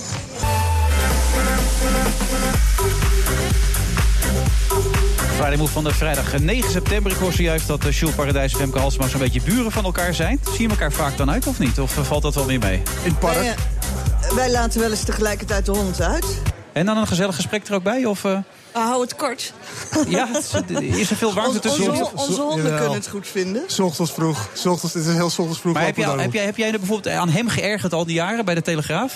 Want jij was natuurlijk bij redelijk kritisch, ook over de parlementaire pers. Heb je ook nog gedaan volgens mij, parlementaire pers, ooit lang geleden. Maar Ehm, heb je geërgerd aan Jules door de jaren heen als Nee, politicus? Niet, niet persoonlijk. Ik bedoel, eh, dat is niet aan de hand. Ik heb me wel eens aan de Telegraaf geërgerd. Of ik heb het in mijn memoires vrij bondig omschreven... als de Telegraaf heeft precies één keer iets over mij geschreven... dat feitelijk correct was. En dat was toen ik een tweeling kreeg. Ja. Nou, dus die kan je in je zak steken, Dat is een compliment, maar, eh, eh, eh, nee, maar kijk, GroenLinks eh, is volgens mij altijd zakelijk beoordeeld. Op, Ja, eh, zeer. op, op het, eh, op het verkiezingsprogramma en op wat er. eh, en, en doorgaans, mensen die er werken zijn eh, bijzonder eh, aardig. En, eh, dus ik, ik heb daar persoonlijk nooit een probleem mee gehad. De eerste keer, de eerste dag van mijn werkzame leven op het Binnenhof eh, was Marijke Vos. Eh, was toen voorzitter, was in volgens mij begin 94. Toen hebben nog een uh, leuke vaartochtje gemaakt. En uh, nou, ik, ik, ik, heb het, ik, heb het, prima, prima uh, leuke partij. En je ziet nu ook weer uh, dat uh, leuke jonge man gaat, Jesse goed, Klaver, ja. gaat goed scoren in de peilingen. En die gaat zetels weghalen bij de SP. En, bij, en waar die nou eigenlijk voor staat, dat weet niemand. Maar dat maakt ook helemaal niet uit. Maar je wilt zeggen, dat Het was bij GroenLinks altijd zo. Je wist nooit waar het voor stond, maar het waren leuke mensen. Het zijn aardige, aardige mensen die, denk ik, uh, gewoon heel goed bedoelen met, met, met samenleving. En dat ze hebben het hart op de goede plek. Maar wat ze precies Eh, willen, dat weet maar, je niet. Maar of, je, of ze geschikt zijn om het land te besturen, eh, dat is een tweede. Wat vind je van Jesse Klaver eigenlijk? Ik vind Jess Klaver het ontzettend goed doen. Maar het grappige is dat Jules de Telegraaf van gisteren niet heeft gelezen. Want daar stond namelijk heel duidelijk in... wat volgens de Telegraaf er in het verkiezingsprogramma stond. En dat was niet vaag. Het klopt ook niet, maar het was niet vaag. heb je de Telegraaf gisteren niet gelezen? Ik Jules? lees elke dag de Telegraaf. Nou, dan heb je heel eh, slecht maar- gelezen. Of je was een beetje moe misschien. Dat je het alweer kwijt bent in korte Nee, termijn. nee, Of maar, maar de, eh, kijk, je, eh, dat, eh, dat, dat, je ziet dat goed. Ik, ik denk dat het goed is dat er een sterke eh, partij op links is. En het is niet goed als dat eh, versnipperd is over vier of vijf verschillende partijen. Want het is, dat maakt het regeren en, en de kra- kracht van het nieuwe kabinet. Eh, eh, eh, draagt er niet toe bij. Dus een zeg maar, beter een sterke Partij van de Arbeid. Klinkt een beetje gek uit mijn mond. Dan zeg maar GroenLinks die met tien SP zetels. en En, dan SP en, en Denk. En ga zo maar door. En wat er allemaal nog niet bij komt. Hè, want we zijn nog niet helemaal klaar Nee. met, met, nieuwe, met, nieuwe, met, met nieuwe partijen. Ja, Want misschien is komt er nog wel een afscheiding van de PvdA ook nog. Hè? Dus, dus, dus ja, Ik hoor trouwens, de, de naam Denk valt even. Als je dan naar jouw memoires kijkt, heb je een beetje hetzelfde als Denk geroepen eigenlijk in je memoires. Dat er een soort poortwachter is met de parlementaire pers. Vooringenomen bepalen een beetje van jou wat je moet gaan zeggen. Dat heb je in je memoires aangegeven. Dat je die parlementaire pers nogal vooringenomen vond. Dat roept nu Denk met dat filmpje. Ja, Nou, ik kan me niet herinneren dat ik dit in mijn memoires op Nee, deze je manier heb gezegd. Nee, echt Maar je hebt niet. de pers niet als een beetje vooringenomen omschreven? Nee, nee, ik heb een aantal voorbeelden gegeven. Ik bedoel, voor mijn memoires geldt over het algemeen eh, show don't tell. Dus wat ik beschreven heb, zijn een aantal momenten. Ja. Bijvoorbeeld in de confrontatie met Wilders... waar ehm, de pers zelf conclusies trok, die heb ik beschreven. Maar ik ben nooit van het type geweest, eh, vroeger niet, nu niet... die vindt dat de pers... Zeker niet als je zelf politicus bent, al te hard moet worden eh, bekritiseerd. Het ligt toch andersom in een democratie. Eh, pers en publiek kritiseren politici. Maar gelukkig ben ik dat niet meer. Nee, dat zou ik net zeggen. Wat mis je Nou. dit? Als je nu naar het klimaat kijkt, zou je er nog in willen acti- actief willen zijn? Zoals het nu is? Nou, ik, ik heb niet zoveel problemen met het klimaat. Ik bedoel, er wordt stevig gediscussieerd, er is wat polarisatie... maar dat hoort ook bij een moderne samenleving. Maar toch meer dan Maar voor- voorheen, vind je niet? Nou, dan heb jij de periode 2002-2005 niet meegemaakt. En ik wel. Ehm, toen toen was onder de steen gezeten, maar ga door, ja? Nee, maar ik bedoel, ehm, eh, voor en na de moord op Fortuyn... de periode die daarop volgde... bedoel, toen was de polarisatie immens... en werden er veel hardere dingen gezegd. Dus eerlijk gezegd, nee, voor mij geldt gewoon... is zes jaar geleden, is het al, was ik klaar. Ja. Ik heb het twaalf en een half jaar gedaan en toen was het mooi. Maar partijen als Denk... Wat, wat was Maar je? je kunt eh, eh, Femke Halsma niet vergelijken met die walgelijke eh, filmpjes van eh, Denk. Als het gaat over de manier waarop eh, de politieke of de parlementaire pers op opereert. Eh, dat was eh, totaal eh, misplaatste manier, eh, methode. Om het, eh, om het eigen Kamerlid dat eh, zeg maar onder vuur lag van de NRC. Om die man te beschermen. En dat heeft niks met, eh, met eh, de kwaliteit van de mensen die in Den Haag eh, Ja, En- Simons beweerde vorige week dat hij ten onrechte zo beschuldigd was daarvoor. Hè? Dat hij met geld uh, tappan had gekocht. Dat, dat... Nou, dat zal me wel. Maar wat daar is gezegd over de, de voor, vooroordelen en de vooringenomenheid van politieke journalisten is totale nonsens. Je kunt wel zeggen dat, dat die mensen misschien te veel op een kluitje zitten. Maar wat zij beweren is, is volstrekt idioot. Ja, maar je was destijds nog even gepolst door de PvdA om in het kabinet te komen, begreep ik. Dat heb je dan gelijk uit je hoofd gehaald, tot dan. Dus je twijfelt nog een heel klein beetje. Maar... Ja, ja, voor mij was dat niet reëel, maar ehm, eh, dat was eigenlijk voor de partij waarmee de PvdA ging regeren Nee, nog minder ja. reëel. Die zag het aankomen. dus eh, daar is verder helemaal geen sprake van geweest. Maar als er nu een nieuw verzoek zou komen, dat zou nooit meer eh, voor jou een optie zijn.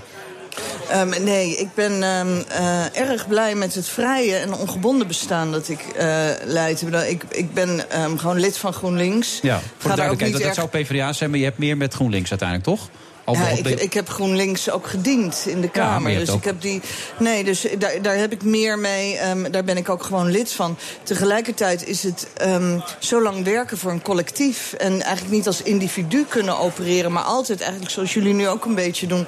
Mij beschouwen als eh, deel van ja, een algemene mening. Die, dat is een beetje benauwend na zoveel tijd. En ik was ontzettend blij dat ik na twaalf jaar alleen nog maar verantwoordelijk ben voor mijn eigen mening. Dat kan ik me goed voorstellen. Maar een paar goede, sterke vrouwen kom je niet zo heel veel mee tegen in de politiek. Dat zal ook de associatie waarschijnlijk zijn die ik persoonlijk nu heb bijvoorbeeld. Eén, ik ben het met je eens dat er te weinig vrouwen op topposities zitten in de politiek. Twee, ik heb Edith Schippers een lezing horen houden afgelopen week.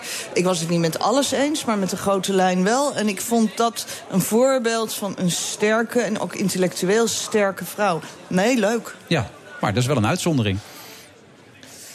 Nou, kijk, het is, het is, de- de- politiek Den Haag is al heel erg lang een apenrots. En ehm, het is voor vrouwen, met name in de grote middenpartijen... heel moeilijk om van de symbolische plaats 2... waar je als stemmentrekker staat, op plaats 1 te komen. Want elke keer als dat gebeurt, word je gepasseerd... door de mannelijke ehm, nummer 3. Hoe dat precies komt, daar moet je niet aan mij vragen. Want ik ben nou net afkomstig uit een partij... die een hele lange traditie heeft van vrouwelijke leiders. Maar over, over een jaar weten we meer. Hè? Want het zou zomaar kunnen zijn dat er, er straks een kabinet zit met eh, vijf partijen. Vier of vijf partijen. En dat GroenLinks gaat meedoen. Want ik voorspel je dat Klaver eh, boven de tien zetels gaat eh, scoren. Nou, dat En zou geweldig En zijn. dat, en dat mevrouw Halsema eh, straks eh, misschien wel lid wordt van het kabinet. Want, eh, Ja, dat zie je gebeuren? Ja, dat zie je gebeuren. Als die optie zou komen? Ik, volgens mij zei ik net nee. Ja, volgens mij ook inderdaad. Net maar, nee, maar- ja. Maar er is, er, is, er is een kleine onhebbelijkheid in de parlementaire pers. Dus als je nee zegt, dan veronderstelt men altijd dat je eigenlijk ja bedoelt... maar politieke redenen hebt om dat niet te willen zeggen. Maar ik zeg gewoon nee. Ze zegt nee. Ja, maar- Jules, maar ze zegt echt nee. heel Nee, als het, eenvoudig. als het landje... Als een vrouw het- nee zegt, moet je ook altijd trouwens zeggen, bedoelt ze ook nee. Hè? Want is het als het landje Ja. vraagt, Zeker. Als het landje vraagt, gelijk zeg je geen nee.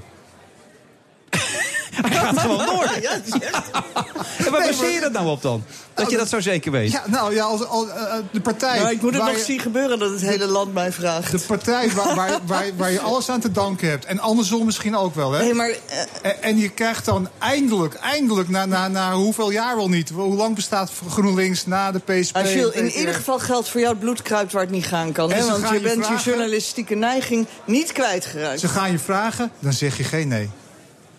Nou, Ja, ik zei was dat een nee. woordspeling op mijn naam trouwens? Of, of had je zelf niet eens door? Maar goed, jij, jij blijft ervan overtuigd. Femke zegt nee, als een vrouw nee zegt, bedoelt ze ook echt nee. Dat is altijd heel, Precies. bela- ja. Precies. Ja, heel belangrijk. inderdaad. Maar je doet, je doet heel veel andere dingen, toch? Je zit in de raad van commissarissen van een uitgeverij.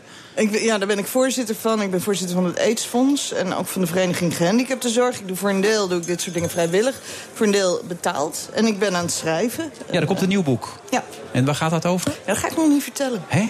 Nee. Ik heb namelijk bij mijn vorige boek de fout gemaakt om jaren van tevoren te vertellen dat het eraan kwam ja. en waar het over ging. En eh, dat, dat was ontzettend dom van me. Waarom? Nou, omdat iedereen vervolgens ook verwachtte dat het boek er heel snel aankwam. En eigenlijk ook al dacht te weten waarover het ging. Dus ik heb daarvan geleerd. Ik ga er pas over praten als het af is. En wanneer is het ongeveer af? Ja, dat weet ik niet. Daar heb je geen flauw idee van. nee, dat weet ik echt niet. Oké. Want eh, ondertussen uitgevers... Je hebt een nieuwtje, begrijp ik, toch? Over Sorry? uitgevers gesproken. Eh, het zou kunnen zijn dat we binnenkort eh, beginnen met een uitgeverij. Dat Ja, klopt. hier. Is dat verstandig in de tijd? Hij gaat een kranten? Een, een- een- Nee, nee, nee, nee. Het kranten voorlopig eh, niet. Maar, eh, nee, maar dat gaan we... eh, doen. Wat, waar denk je aan? Nou, we maken dat eh, Boeken? binnenkort eh, bekend en dan eh, zien we dat wel. Ja, je hebt nu de voorzet gegeven. Ja, Heb je ja, maar aanzien moet ook mee het zeggen. Het, is het, gewoon het is niet zo dat de, de markt van uitgevers onverzadigd is. Er Eh. zijn er nogal wat en men concurreert, weet ik uit ervaring... omdat ik de markt redelijk ken, vrij hard met elkaar. Dus ik ben benieuwd. Ja, ik ook. Ik ben heel, ik vind het heel spannend om eh, daar eh, een beetje rond te kijken. En, eh, en om, iets, om iets te beginnen op dat gebied. En bedoel, we moeten ons, we moeten ons geld verdienen. Maar als er één ding vaststaat, we kunnen... We kunnen eh, Maar je had ook ergens in een interview gezegd... als je nu een uitgeverij hebt, onmiddellijk verkopen enzovoort... want de media wordt zo anders. Moet Nee, nee, nee. Ik heb gezegd van als je kijkt naar, de, naar het uitgeven, dan heb je eh, klassieke uitgevers waar de, die te maken hebben met een eh, verdienmodel wat erodeert. Namelijk geen advertenties. Eh, teruglopende eh financierings, eh, financieringsmogelijkheden van de lezers... die eigenlijk ja, steeds sneller afscheid nemen van tijdschriften of van kranten. En die lezers die zeggen eigenlijk van ja, ik zoek het, ik zoek het zelf wel uit. Ik hou het geld in mijn zak. En ik ga via Facebook en, en ik, eh, ik snack wel nieuws. Je kunt ook zeggen, ja, het is een democratisering van, het, van, van, democratisering van de media. De gewone burger heeft, heeft de journalist niet meer nodig. Maar desalniettemin blijft er volgens mij altijd ergens een plek... waar onafhankelijke journalistiek eh, eh, blijft en waar ook geld voor is. Maar niet En in die deze... ga jij dus binnen een paar weken bekendmaken hoe jullie dat gaan doen. Ja, dat gaan en we wat, doen. wat, wat Femke doet, doet met haar uitgeverij, dat is Nou, er daar zitten een paar hele mooie titels in. En, Ja, je eh, moet, het is een uitgeefhuis. Dus het, en het, en Ja. eh, er zitten allerlei ehm, bedrijven onder. Van de bezige bij, Bruna, tot Voetbal International, Vrij Ja. Nederland.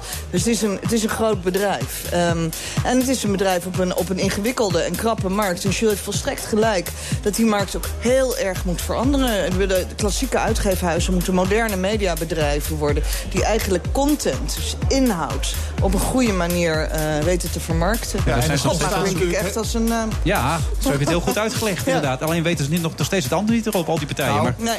Er bes- Nee. ontstaan natuurlijk heel veel nieuwe uitgevers. Dus bedrijven, overheden. Iedereen is eigenlijk uitgever. Je hebt niet meer een drukpers nodig om eh, je mensen en je, en, je, en je klanten te bereiken. Eh, dat kun je allemaal zelf. ja, je kan je nu op telefoon zelf opnemen gelijk op het internet zetten, inderdaad. Femke, leuk dat je er was. We hebben bij deze vastgesteld dat je niet terugkeert in de politiek. Nee. En dat heb je bij deze ook bevestigd, dat we dat even weten. Je komt binnenkort hier langs als co-host, hartstikke gezellig. En eh Jules, eh, je gelooft het niet, maar het is echt waar. Ze komt niet meer in de politiek terug. Tot zo na de reclame. BNR Nieuwsradio. The Friday Move. Ja, u loopt nu eh, vooruit op eh, Prinsjesdag en eh, u denkt dat u die stukken heeft, maar dat weet u pas op Prinsjesdag. Ja, dat, daar ga ik niet alleen over volgens mij. Wilfred Genee. Het is de dag dat Team NL het eerste goud binnenhaalt tijdens de Paralympics. De gemeente Kijkduin Pokémons uit de Duinenweert en YouTube de geldkraan dicht voor de Sandaamse treitervloggers. En dit is nog steeds de Friday Move tot de klok van half zeven.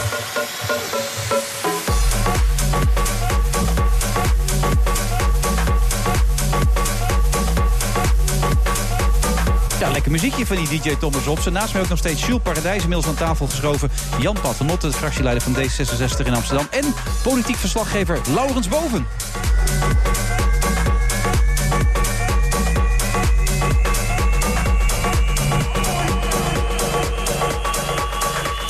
Laurens, even een korte reactie op het optreden van de heer Kouzou deze week. Geen hand willen geven aan Netanyahu, wat vond je ervan? Ja, het is een politiek statement van hem. Hij, hij vindt dat op die manier een, uh, tot uiting moet brengen... waar hij staat in het uh, Palestijns-Israëlisch conflict. Ja, ik Ja. weet niet, ik... Ja, geeft er een beschrijving van. Je geeft er geen mening over. Dat merk ik aan je. Moet ik er een mening over geven? Een mening over Kuzu? Ja, ik ben zo niet opgevoed. Ik bedoel, als je mensen ontmoet, dan geef je ze een hand. En eh, ook als het je grootste vijanden zijn of je grootste tegenstanders... eh, ja, dan, dan dat, dat hoort erbij. Voor de genuanceerde mening, Jules Paradijs? Nou, walgelijke actie van Dat bedoel een ik, steltje gelukzoekers. Dat zie je moet En, toch bij de eh, Telegraaf zijn, hè? ja. Voor de- dat Nee, is maar toch meer dat, de stijl. eh, maar laten we dat gewoon uitspreken dat eh, dit zo onbehoorlijk is. Eh, wat hebben die lui, eh, wat hebben ze in feite voor status? In de eerste plaats eh, roven ze twee zetels van de, van de PvdA-fractie. Dus ze hebben eigenlijk geen eens een eigen titel om daar te zitten. Dan komt er een buitenlands staatshoofd aan, een bevriend van een bevriend land. En dan doe je dit. Eh, dat, dat, dat, dat, dat past niet. En eh, nou, walgelijk gewoon. Die lui die, eh, die horen hier eh, niet in die, in, die tweede, in die Tweede Kamer te zitten. Hij heeft nog een filmpje ge- gepubliceerd hè, hierover, Kuzu. En heeft hij wat foto's laten zien in dat filmpje. Foto's waarvan hij zei, van die heb ik ook in de vergadering aan eh Netanyahu laten zien. En, en, en daar commentaar op gevraagd. Foto's van wat er in Gaza en op de Westbank gaande is en zo. En ehm, ja, ik vind dan wel, eh, als je dan zo'n inhoudelijk argument hebt... Vind ik, dan kan je, is belangrijk, moet je over praten. Zeker met de regeringsleider van Israël over het gedrag van het Israëlisch leger in de bezette gebieden. Maar hou het dan daarop. Weet je, ik, ik, het- mij lijkt dat je het alleen maar sterker maakt. Dat je jezelf ook sterker en zelfverzekerder presenteert. Als je die man gewoon een hand geeft. Van hier, hier sta ik. Kom maar op met je argument. Je bent in Nederland, ik ben hier parlementariër en ik ben het niet met je eens. Maar even D66 die zitten toch bij Jan Paternotte. Wat vind je ervan? Ja, een buitenlands staatshoofd komt langs, dan geef je die gewoon netjes een hand. Maar ik kan me wel voorstellen dat je soms daar eh, nog een, een signaal bij wil afgeven. Dat je wat beelden wil laten zien. We hadden hier in Amsterdam een keer eh, Poetin op bezoek. Eh, dat was natuurlijk net nadat hij de, de anti-homo-wet in Rusland had doorgevoerd. Dus toen heeft burgemeester Van der Laan ervoor gezorgd... dat hij verwelkomd werd door onze lesbische lokale burgemeester Caroline Gerels. Ja. Nou, dat vond ik een heel mooi gebaar. Ja, en, zij gaf gaf een hem hand. een hand. Ja, ja. nou zo kan het ook. Je hebt nog nieuws, begrijp ik, van de PvdA, toch? Nou ja, nieuws, nieuws, Ja. nieuws. Nee, het wordt heel spannend aanstaande maandag. Want aanstaande maandag dan om tien uur 's ochtends... is de deadline voor de kandidaatstelling voor de Tweede Kamerlijst voor de Partij van de Arbeid. Ehm, dus dan moeten de, eh, moet iedereen echt hom of kuit geven Ja. eh, wat er gebeurt. Dus, dus ook Asscher en ook Dijsselbloem. Ehm Plasterk hebben we net gehoord, hè, die gaat in ieder geval niet door. Maar met name natuurlijk Asscher zijn we heel erg benieuwd. Die moet nu eigenlijk zeggen of die kandidaat is. Nog niet voor het lijsttrekkerschap. Hè, dat komt pas een maand later. Ja. Maar ik kan me nauwelijks voorstellen dat hij kandideert voor het lijsttrekkerschap... als hij niet ook beschikbaar is voor de lijst. Dat zou natuurlijk een beetje een raar statement zijn. Ik wil alleen maar lijsttrekker worden en anders niet. Maar hij moet dus maandag vertellen of hij doorgaat in de Haagse politiek... of dat hij stopt. Nou, het antwoord is natuurlijk eh, ja. Natuurlijk gaat hij op die lijst, want het zou raar zijn als hij over een maand zich kandideert en dan eh, zeg maar niet eh, gewoon Kamerlid wil worden. ja. Dus maar, maar wat veel Maar- interessanter is, wanneer gaat Samsung nou zeggen dat hij opstapt? Eh, Want met negen zeteltjes in de peilingen, wat heeft die man nog eigenlijk te zoeken in, eh, zeg maar in de PvdA-fractie? Nou, Terwijl al die mensen weglopen. het gaat niet om peilingen, het gaat om uitslagen, zeggen ze bij de Partij van de Arbeid altijd. En de Partij van de Arbeid is er stellig van overtuigd. Hebben ze vorige keer ook klaargespeeld dat ze in de laatste paar weken die peilingen Nieuw nog pak aan, omslaan. goede das voor. Toen Hey, werkte het. Nou, ik sprak vanmiddag nog een Kamerlid in Den Haag bij de Ondernemersdag. En die keek er toch even iets heel anders naar. Want eh, zelfs in de partij wordt gewoon gezegd... ja, als we nog eh, potten willen breken... dan moet eh, Abu Taleb zo snel mogelijk eh, eh, meedoen aan die eh, lijsttrekkersverkiezing. En dat is de enige manier om de VVD eh, nog een beetje tegenspel te geven. zie- Want anders gaat het helemaal fout. zie Jan Paternotte gewoon knikken bij dit, eh, deze opmerking. Nou, ik zag, ik hoor- zag inderdaad dat er allemaal burgemeesters zelfs waren... die samen een brief hadden opgesteld. eh, en die zeiden dat eh Ahmed Abu Talib maar de lijsttrekker moest worden... en een oproep aan hem deden om zich Ja. in godsnaam te kandideren. Stond, Dat stond geldt de Amsterdamse burgemeester overigens niet onder, onder die brief. Dan wordt het natuurlijk ook interessant om te zien of Abu Talib zich maandag kandideert voor de kandidatenlijst van de Partij van de Arbeid. Ja, of nou. dat hij dan wel, als hij dat dan doet, alleen maar Hij beschikbaar heeft is steeds dat van hij nee gezegd. Hij heeft steeds Asscher- geroepen, ik ga het niet doen. Heeft Asscher hij. die houdt eh, maandagavond een speech voor de Partij van de Arbeid, voor de WRDP Stichting in de Rode Hoed. En heeft aansluitend een optreden bij RTL Late Night bij Humberto Tan. Oké, dan wordt hij even doorgezaagd. Ze hebben niks te maken eh, over, met zijn kandidaatstelling, die twee optredens natuurlijk.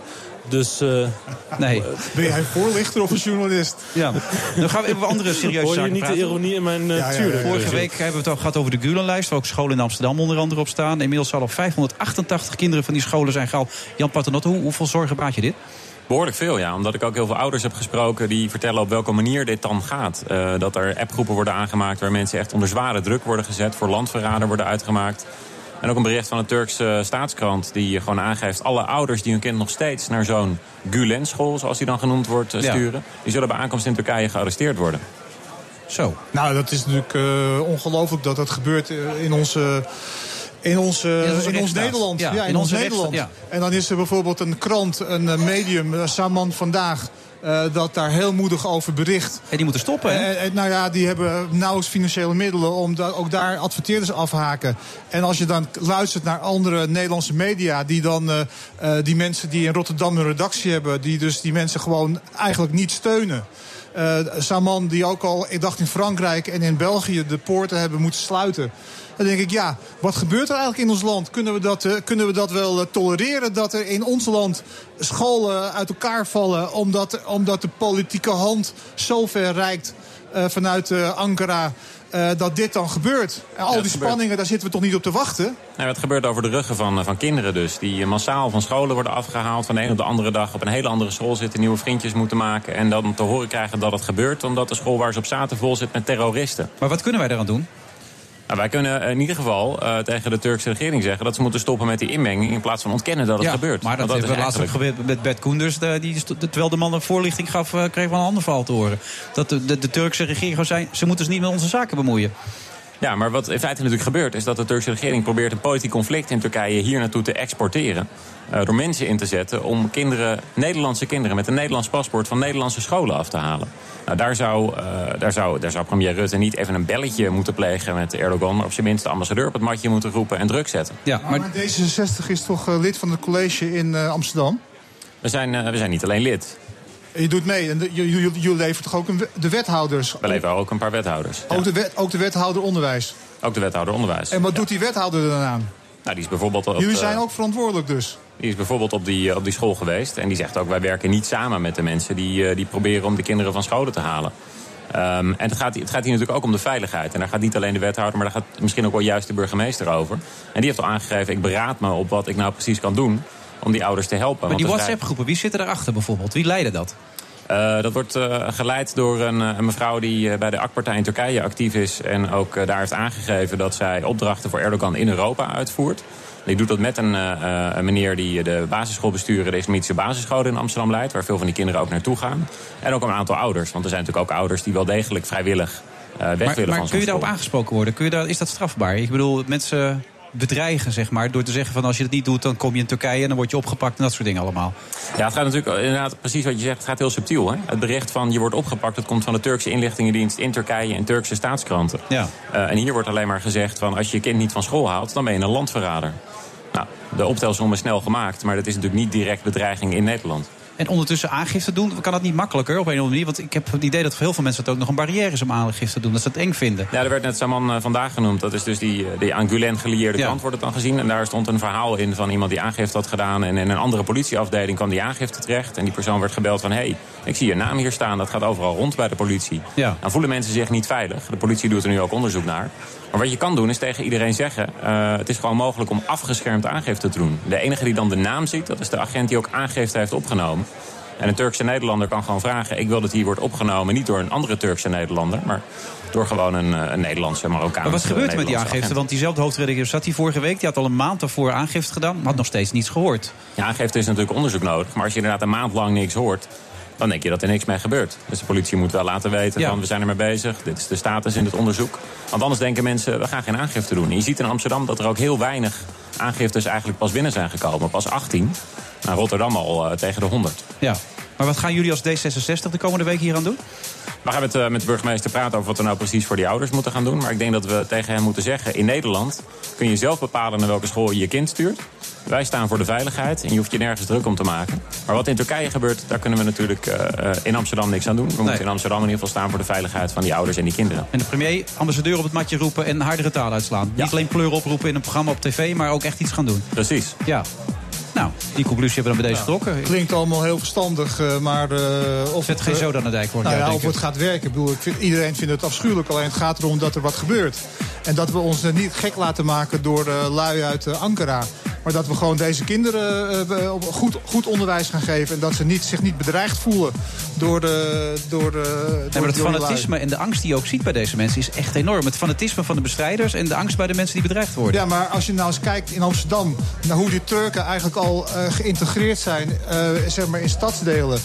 dan is het zo verschrikkelijk jammer dat dit gebeurt. Hè, want juist in deze bevolkingsgroep heeft aansluiting gevonden bij, bij het dagelijkse leven.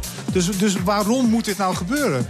Ik bedoel, het is echt, echt flauwekul. Het is jammer. Maar dat vindt Jan Paternotte ook volgens mij, want hij knikt. Dus nou ja, maar eh, volgens mij eh, zijn er ook heel veel eh, Turken die hier helemaal niets mee te maken willen hebben. Turkse Nederlanders. Eh, Maar ja, die hebben vaak wel familie in Turkije. Die hebben soms nog bezittingen daar. Die hebben banden met dat land. En als dan wordt gezegd, ja, als je nu op die school blijft en je gaat terug... dan ben je een terrorist, word je opgepakt, ben je niet meer welkom. Ja, dat betekent voor hen heel wat. Dat is Wat, wat je moet doen is je, pas, je. Turkse paspoort in de fik steken... en dan, eh, en dan verder gaan met je, Ne- met je Nederlandse paspoort. Al dus... eh, dat, dat dubbele, dubbele paspoort is natuurlijk ook Jan een dubbele loyaliteit. Bedankt. Laurens, bedankt. We gaan zo verder. Tot zo.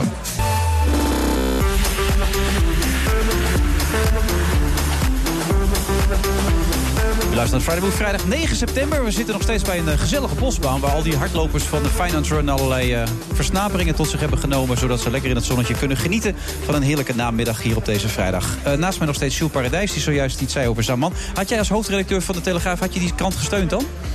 Op een bepaalde manier? Nou, ik heb vorige week eh, contact gezocht met de hoofdredacteur... omdat ik, eh, eh, ja, ik heb daar wel... ik vind dat deze man en, de- en zijn redactie Mhm. gesteund moet worden. Omdat het geluid wat hij laat horen...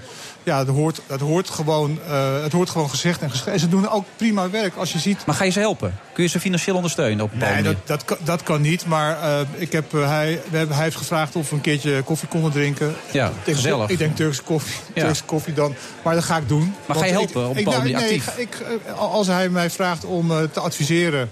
En natuurlijk doe ik dat uiteraard met gesloten beurs. Dan Ja. ga ik dat doen. Want ik vind dat iemand die ergens voor staat... eh, voor zijn mensen, maar ook voor de vrijheid van meningsuiting...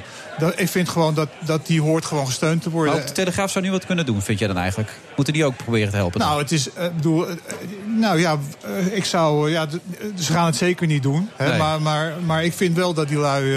Als gebaar? ja, Als steun- vrijheid van ja, meningsuiting, steun, maar in ieder geval helpen, ja. helpen hoe ze, hoe ze hun, hun huishoudboekje op orde krijgen. Want ze, ze, als je geen advertentieinkomsten hebt en je, en je andere inkomsten zijn ook beperkt... Ja, hoe ga je dat dan nog redden? Ja, hij zei, ik probeer nog één en dan moet het inderdaad met crowdfunding en dat soort dingen allemaal. Dus het wordt heel lastig. Ondertussen Noord-Korea gewoon een kernproef gehouden, eh, Bernard. Niet te geloven. En wat voor een? Ja. 10 kiloton. Eh, het, is geen, het is geen atoombom, hè? even voor de duidelijkheid. Maar toch, eh, de, de, de, de atoombom op eh, Hiroshima was uit mijn hoofd 15 of 16 kiloton. Dus als je dit even omdenkt in een eh, atoombom... Zo. Dan, dan, ja, het is echt een hele grote. De grootste die ze ooit hebben gehouden in een hele serie proeven. En bovendien, ze zijn tegelijkertijd bezig met een eh, raketprogramma. Dus ze ontwikkelen raketten. Aan een atoombom heb je niks. Als je, ja, je moet hem of achter op de fiets meenemen... of je Ja. moet hem met een raket eh, wegschieten, zou ik maar zeggen. Ze kiezen voor het laatste. En dat, dat, daar lachten wij steeds maar om, was allemaal niks. Maar nu begint dat raketprogramma ook echt ergens op te lijken. Dus ze hebben... Ja, Japan voelt zich ook echt Ja, behoorlijk ja, bedreigd. terecht natuurlijk. Dat Ja? Is, ja, ligt. Dat, eh, dat ligt binnen het schootsveld. En die, die, die proefraketten die zijn ook vlak voor de Japanse kust eh, tegengekomen, te- terechtgekomen. Dus Zuid-Korea, Japan. Eh, ja, die, die, die liggen echt in, in, het, in het schootsgebied. Die, zijn, eh, die zitten echt met geknepen billen dat allemaal aan te kijken. Wat gaat de rest van de wereld doen? Amerika bijvoorbeeld? Amerika is, heeft eh, woedend gereageerd. Eigenlijk de hele wereld heeft woedend gereageerd. Zonder uitzondering, zelfs China. En dat is de sleutel van het verhaal. Omdat eh, Noord-Korea heeft geen bondgenoten. Eh, behalve China. Dat, is, dat, dat houdt Noord-Korea als het ware in leven. Met dus de navelstreng van eh, dat landje.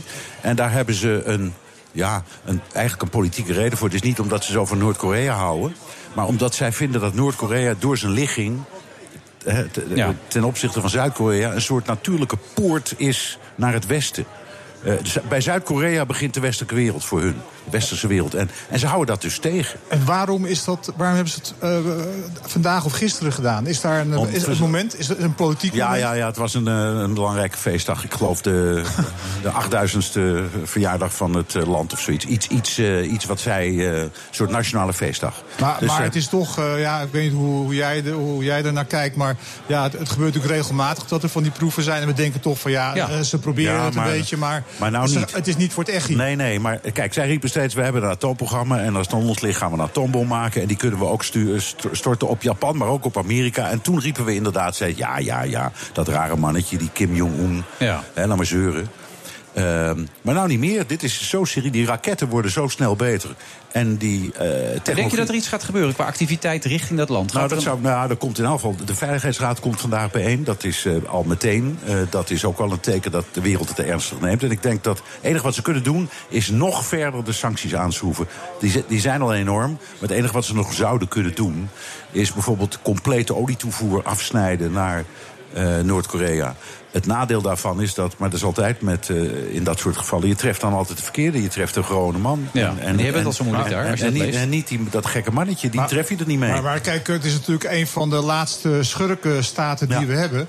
Eh, maar eh, tegelijkertijd zie je toch ook eh, dat veel mensen het een beetje zien als folklore met die rare nieuwslezers en die, al die parades.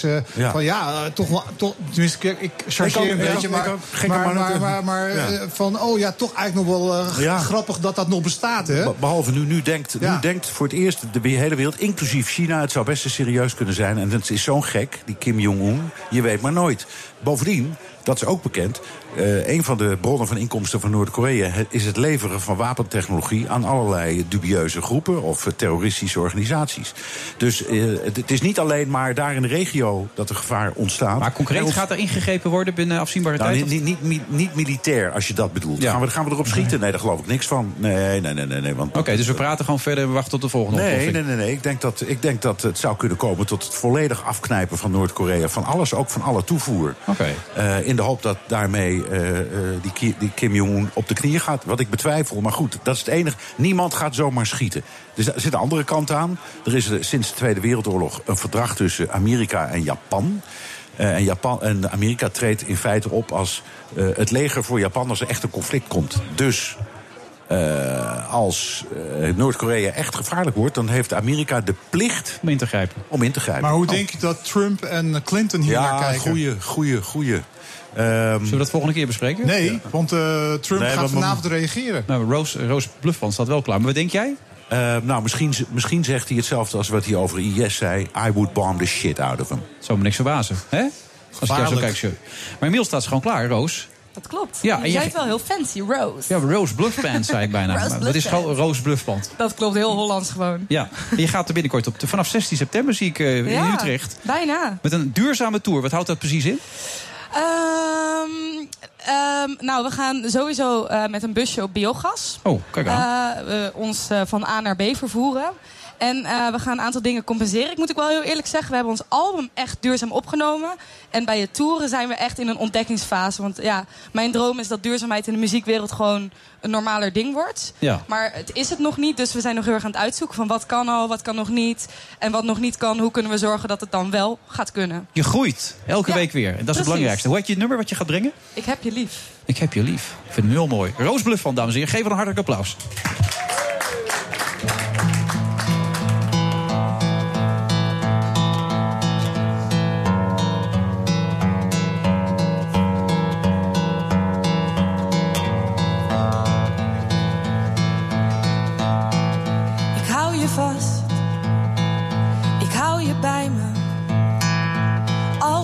Avond valt, verschuil ik mij bij jou.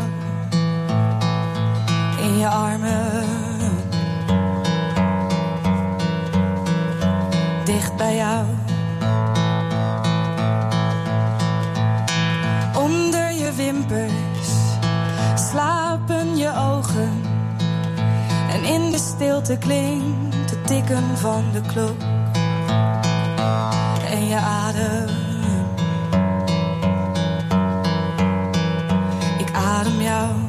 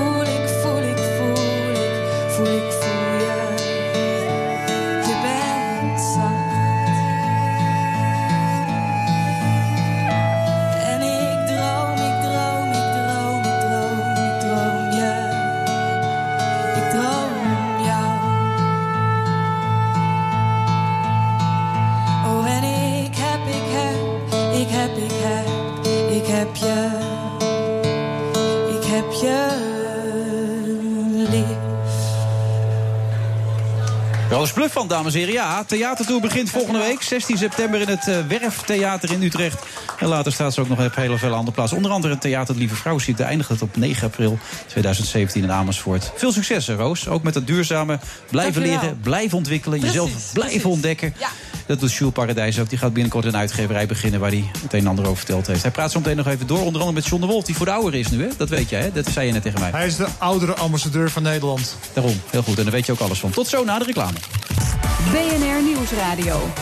The Friday Move. Ja, u loopt nu eh, vooruit op eh, Prinsjesdag. En eh, u denkt dat u die stukken heeft, maar dat weet u pas op Prinsjesdag. Ja, dat, daar ga ik niet alleen over volgens mij. Wilfred Genee. Voetbalhumor. John de Wolf, Glenn Helder en Andy van der Meijden gaan ermee de bühne op.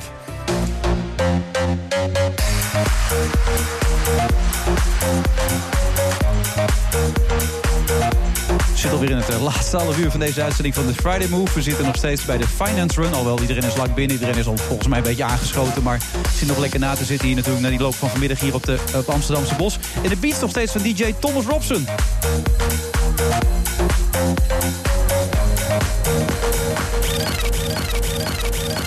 Ja, John de Wolf, Glenn Helder en Andy van der Meijden vormen samen met vijf, 50 anderen... dat is wel heel veel, zie ik nu staan... voormalige voetballers de FC de Rebellen. Ja. 50 anderen. Nou, dat zijn gast, gastrebellen. Oh, oké. En er zit Marcel Meeuwis nog in het vaste team bij. En Ricky van den Berg. Hè. Koert Westerman presenteert het. Ja, wie Dus kent hem niet? ken je ook Ja. wel, hè? Dus ja, dat is, dat, dat is fantastisch. En elke keer komt er een andere gastrebel bij. En, Oké. vol- en volgende week is eh, zeg maar de aftrap in, eh in Hoorn. En er staan er 41 eh, gepland voor dit Maar jullie jaar. hebben dit al vaker gedaan. Vorig jaar heb je het ook al iets gedaan een keer. Ik las een recensie, de Telegraaf. De Telegraaf hey. Ja, we hebben twee pilots gedaan. Hè, om eerst te kijken of je het leuk vindt of het publiek het leuk vindt. Eh, nou, we zijn in Eindhoven geweest en in Arnhem. Er zaten 1600 man. Ja, en die vonden het leuk. Daarna even, eh, even wat gedronken, fotootje, even een praatje maken met die mensen. Ja, die waren gewoon een gezellig dag, eh, avondje uit. Ja. En ik moet zeggen, ja, ik vond het ook leuk. En, weet je, het is niet zo moeilijk. Je hoeft geen rollenspel te spelen. Hè. Je praat over jezelf. En, dus, eh, je maar kan het ook wordt niet ordinair of zo, toch hoop ik. Dat, dat houd ik niet zo van. Nee, nee, Als presentator kijk. van Voetbal en Schijf vind ik dat niet echt... Nee, maar Nee. Weet je, tuurlijk, er komen eh, lachwekkende eh, dingen in voor. Er komen serieuze dingen in voor. Er komen eh, humordingen komen erin voor. Ja, het is eigenlijk gewoon van alles wat. Maar het allerbelangrijkste voor mij is dat ik niet na hoef te denken. Want ik praat over mezelf. Ja. Dus ja. Maar van de week eh, was er ook die scheidsrechter die ook die supermarkten heeft. Heet die Bjorn Kuipers. Bjorn Kuipers, ja. Die was ook in het Lamar, had hij een theateravond. hè. dus die stond op het podium eh, met een volle zaal waar hij over zichzelf eh, praat. Dus het is ja, ke- kennelijk een trend aan het worden. Nou ja, wij zijn, wij zijn er verleden jaar mee begonnen. Hè, met de FC Rebellen. En volgens mij kwam eh, Van Breukelen. Ja, Van Breukelen stond opeens met even te Napel inderdaad. Ja. Met in eh, EK 88. Maar ja, wa- waarschijnlijk is, eh, en blijkt ook, is er vraag naar. En het is toch weer even wat nieuws. En anders krijg je ook geen eh, 41 boekingen de komende maanden. Dus ja. Maar hoe ver gaan jullie? Hoe eerlijk ben je? Want ik las in Ja. die recensie, volgens mij was je ook eerlijk op je kaart in Ja. Dat heb je ook gewoon allemaal verteld, toch? Ja, nou ja, ik heb het al genoeg moeten vertellen. Ja. vorig jaar of anderhalf jaar geleden met mijn boekpresentatie. Maar dat, kom, dat komt er toch altijd weer bij. Ja. Hè, want, ja, hoe je het is nu of- verjaard, toch, inmiddels? Ja, maar hoe je het went of keert, mensen willen dan toch dat verhaal toch weer weten. Nou ja, Ja. dan moet je dan ook weer niet voor weglopen. Ben, ben je niet bang dat je alleen maar aan het terugkijken bent? Nee. Het is natuurlijk heel veel nostalgie. Eh, Dat is een hele goede vraag. En wat is je toekomst? Weet Dat is een hele goede vraag. Maar we hebben het ook over de toekomst. We hebben het ook over de dingen die op dit moment gebeuren in het sport. De- kijk maar even naar het Nederlands elftal, wat er allemaal op dit moment eh, gebeurt. Dus dat, dat, zal- dat zal ook aan de, aan de orde komen. Dus we ook actuele dingen bespreken we daar. het is dus- niet zo op de automatische piloot alleen maar terugkijken en... eh, Dus jullie zeggen tijdens zo'n avond dat jullie het beter zouden doen dan Danny Blind? Nou ja, als misschien coach van wel. GVVV mag je dat niet Ja, op zeggen, ja, toch? Ja. Nee, maar weet je, wij, wij hebben ook onze eigen mening. Hè? We hebben allemaal onze eigen mening. Die, eh, Ja. die geven we op tv, die geven we bij de radio, noem maar op. Nou, wij doen het in theater als, het, eh, als, als Koert eh, in vorm is en met, met scherpe vragen komen. Ja, dan moet je daarop antwoorden. Ja, want je, je laat er dus Koert interviewen, maar er mag, mag ook uit de zaal vragen gesteld worden, of kan dat niet? Ja, we hebben wel een.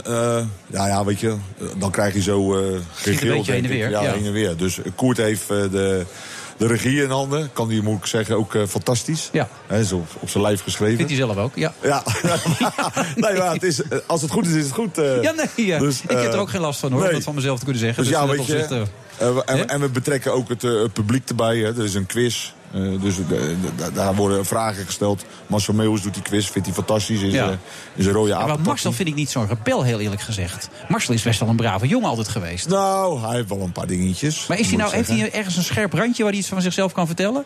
Ja, Marcel heeft ook wel zijn verhalen. Kijk, als je, als je niks te vertellen hebt, dan hoor je er gewoon niet bij. Hans, Hansie eh Kraai komt ook af en toe. eh Echt Andy waar? van der Meijden. Dick Jol komt ook nog eh, af en toe voorbij. Ja. En die van der Meijden. eh, ja, dus weet je, eh, iedereen heeft, Nee, maar dat zijn, wel, wat. dat zijn wel mannen met een scherp Ja. randje. Ik Ja. bedoel, eh nou, Andy van der Meijden, dat, dat, dat is zo'n boek over geschreven, Ja. weet je wel. Die heeft alles gedaan wat God verboden heeft. Dat heeft Hans eigenlijk ook gedaan. Dat roept hij ook nog steeds bij ons in de uitzendingen natuurlijk, met al zijn alimentatie enzovoort. Maar bij Marcel Meeuwis kan ik me helemaal niks herinneren. Dat Nee, dat, dat dacht ik ook. Maar ja, weet je... Is er iets eh, wat je ons kan vertellen hier dan? Dat, of mag dat niet? Ja, Marcel, eh, dat vertelt hij wel in het theater. Wat mag er nou met jou absoluut niet besproken worden dan? Alles. Echt waar? Ja, alles, alles mag boven... Ja? Mag gevraagd maar worden. ook privé, dat soort dingen. Scheidingen, dat soort dingen. Alles mag Nou, besproken worden. Nou ja, Wacht even. Oh. Eh, Volgens mij kan ik me een fragment herinneren dat je met de schrijver van je boek eh, bij een eh, radio-uitzending was. En toen ontstond er een incident Ja. over een vraag. maar als je goed ingelicht bent, dan weet je ook waarom ik weggelopen ben. Maakt niet uit, maar. Ja, maar maakt wel uit. Dat, ma dat maakt er voor mij wel uit. Als je afspraken met elkaar maakt. Dat er bepaalde dingen die ik de dag ervoor al twintig keer had eh, beantwoord. En heb gezegd: Oké, ik wil komen om half acht 's ochtends. Ik maak tijd voor jou ook. Maar dan weer niet het oude van gisteravond. En dan zegt hij: Nee, absoluut niet. En ik kom daar en de eerste vraag is dat. Maar dat was er wel op het kaart volgens Ja, mij, toch? dan, dan ben ik gauw klaar met Ja, je. maar jullie- En dan loop ik weg. Maar jullie zijn allebei eh, twee mannen die eh, alleen maar eh, praat, inmiddels alleen maar praten over voetbal. Hè? Dat is natuurlijk wel wat jij. Ik heb het nooit gedaan hoor. Ik heb wat het jij nooit op de kaart hebt gezet. jullie nu ook al doen. Maar terwijl het kijken en het zelf voetballen, eh, dat is natuurlijk veel leuker. Nou, ik, heb het, ik heb het ook een paar jaartjes gedaan, denk ik. Maar eh ik niet. Tuurlijk, Maar- blijf, maar het voetbal blijft kennelijk is er een enorm publiek voor. Hè? Bedoel, dat, dat is duidelijk op tv, maar ook in het theater. Ja, wat wel belangrijk is, en denk ik dat John het ook zal merken in het theater. Het moet niet meer zo saai zijn. Wat Nee. ging er door je heen? eh, wie speelt er in de spits? Spelen ze 4-4-2? Er moet wel iets omheen gebeuren. Ja, maar dag. Precies, maar je moet ook wel, eh, eh, en, en dat, en dat ge- gaf ik net een paar keer aan, je moet heel dicht bij jezelf blijven. Dus je moet ook niet de popiopie-rol gaan doen. Hè, het is zoals het is. Nou, ik heb een hele andere rol als Glenn. Glenn is veel drukker, eh, heeft eh, veel ergere dingen meegemaakt, die die open en bloot eh Ook die vertelt. zelfmoordpoging, alles gaat er en komt voorbij. Hij, hij vertelt zo goed als eh, alles. Hè, want ja, ik weet niet hoe zijn bestaan is, maar ja, mensen liggen aan zijn lippen. En, en, en, en, en tien minuten later, ja, dan vertelt hij weer een anekdote waar ze op de grond eh, mee liggen. Dus ja, weet je, en, en zo heb je allemaal wat. Ja, ik vind de emoties die ook eh, vaak bij het, het voetbalgala ziet van telesport. Hè? De mensen die dan Oh, er even- schoenen gaan krijgen. weer even promoten, ja, goed, ja. Ook, ook, ook vorige week weer. Hè? Dan zie je dat, dat was het Klaassen geloof Davy ik. Klaassen, die, ja. die, die, zeg maar, die dan eigenlijk ook de tranen laat lopen. En dan eigenlijk van een hele coole kikker opeens een eh, normaal mens blijkt te zijn. Hè, dat, dat, dat, het, eh, Dat zijn net mensen, hè, die nou ja, voetballers. ze hebben, denk ik, misschien was het vroeger ook wel zo dat, je moeite, dat die mensen moeite hebben om zichzelf bloot te geven. Hè? Ja, Dat het later pas die- Ik, ik, kan ooit een, ik heb ooit een documentaire van John gemaakt, heel Ja, lang geleden. Ik heb hem pas geleden teruggekeken. Echt waar? Ja. Met die hele kleine mannetjes nog en zo. Ja. Dat is echt... Desley en Rodney. Ja, en echt dat je bij mijn ouders thuis kwam en Ja, naar va- boven. zijn vader was al mooi. De grootste fan die had. Die, die vader kwam met enorme doos met knipsels en banden naar beneden. Echt, zo'n grote fan heb ik nog nooit meegemaakt. Maar wat toen nog veel meer speelde, is nu wel iets minder volgens mij. Die enorme macho-wereld. Altijd dat stoere, altijd dat onkwetsbaar. Dat is wel iets minder geworden, heb ik de indruk, toch? Ja, weet je, kijk, het zijn natuurlijk... en dat is niet voor het eerst dat, dat het verteld wordt. Het zijn natuurlijk hele andere tijden. Hè. Wij, eh, wij konden eigenlijk alles doen en we konden overal heen gaan. En we hoefden nooit ergens op te letten. Hè. Nu ook, iedereen loopt met telefoontjes, Ja. loopt met filmpjes. Vertel mij wat. Dus ja, nou, jij, ja, ik heb jou ook nog wel eens voorbij zien komen met karaoke. Ja, dus ja, weet je. zeg, ja. En eigenlijk is het eigenlijk te gek voor woorden, weet je. En ik vind het ook goed, eh, eh, niet om, om, om te slijmen... maar gewoon lekker doen waar, je- waar je zelf zin in hebt. En eh, ja, dan filmen zie je maar. Als je niks Ja. te verbergen hebt, dan... dan eh, ja. Nee, dat is waar. Ik kan me situaties voorstellen. Er was ooit een horecaavond hè, op maandagavond. En daar waren alle voetballers van Feyenoord Ajax. Ik denk niet dat dat eh, gewaardeerd was geweest als dat allemaal gefilmd was. Hè, John, toch? Nee, maar oké. Ik bedoel maar, nee, dus niet alles filmen, jongens. Dat wil ik nog even bij zeggen. Maar waar staan jullie voor het eerst dan? We gaan volgende week naar Horn. In Horn eh, is de aftrap. En er wordt ook een, eh, een, een contract getekend. Hè, want we denken ook aan, aan de maatschappij. Hè, met, eh, met de gevangenisleven. Ja, daar gaan jullie iets mee doen, hè? Die gaan achter de schermen meewerken, Ja, toch? Of die niet? gaan, eh, die gaan meehelpen en die proberen we een, eh, een baan te genereren. Dus ook het maatschappelijke. Ik heb niet zoveel met het gevangenis. Ik, heb, ik, heb, ik zie het alleen op tv. Glenn heeft daar wat meer mee gedaan. Dus Ja. ja. het is ook fantastisch dat we daar maatschappelijk mee kunnen helpen. En dit geld gaat daar een beetje naartoe om die mensen te helpen dan op die manier. Tenminste, Tuurlijk, ja? altijd. altijd. Maar je wilt er toch zelf ook wel dan overhouden? Nee, joh, maar eh, het kost alleen maar geld. joh. Echt waar? Ja, natuurlijk. Nee, joh. Ja, natuurlijk, hele avond. Kijk, oh, jij weet toch wat normaal gesproken wat je in een uur verdient? Ja. Of twee uur? Nou ja, dan moet je nu eh, zeg maar tien uur in het theater voor staan. Maar dat maakt Nou, niet dat uit. Je moet het leuk vinden. Tien uur? Je moet het Ja. leuk vinden, weet je. En, en, en daar, daar, daar begint het bij. En ja, nogmaals, ik vind het leuk. En eh, op het moment dat ik het niet meer leuk zou vinden, dan, eh, dan stop ik er Ja, maar je hebt genoeg andere dingen. Hè? Je bent ook nog voorvechter voor de oudere Ja, 50 plus werkzoekenden. werkzoekenden. Ja, Ja. doe je Ja, ook nog. En morgen tegen Hansi Hansi. Ja, morgen met eh, GVVV tegen Linde. Ja. Altijd lastig uit. Ja. Ja, Linde? Ja Linde, FC Is dat, Linde, is dat niet eh, van Hans Kraai? Ja, dat we daar speelt hij tegen, Hans. Oh. Ja, eh, Jules zakt een beetje weg nu. Nee, ja, ik niet weg, maar ik ben wel blij dat ik het weet. eh. Hij heeft één voordeel, het is mooi weer, dus hij zal zijn jas niet aan hebben. Nee, dat kan hij niet gooien. Dat Nee. scheelt dan alweer. Kun je, is er nog een website of zo waar we ergens kunnen Ja, kijken? FC de Rebellen. En daar staan eh, ja, alle, alle theatervoorstellingen staan erin. Dus eh, vorige, volgende maand, of deze maand hebben we er vier. Volgende maand hebben we er geloof ik 12. En in totaal eh 41. Dus Nou, eh, voor de mensen die door het hele land heen. FC de Rebellen. Succes morgen tegen Hans. Dankjewel. Doe hem de hartelijke groeten van me. Je weet, hij is ontzettend fan Ja. van mij, Hans. Ik zal het doen. Ja, tot zo na de reclame.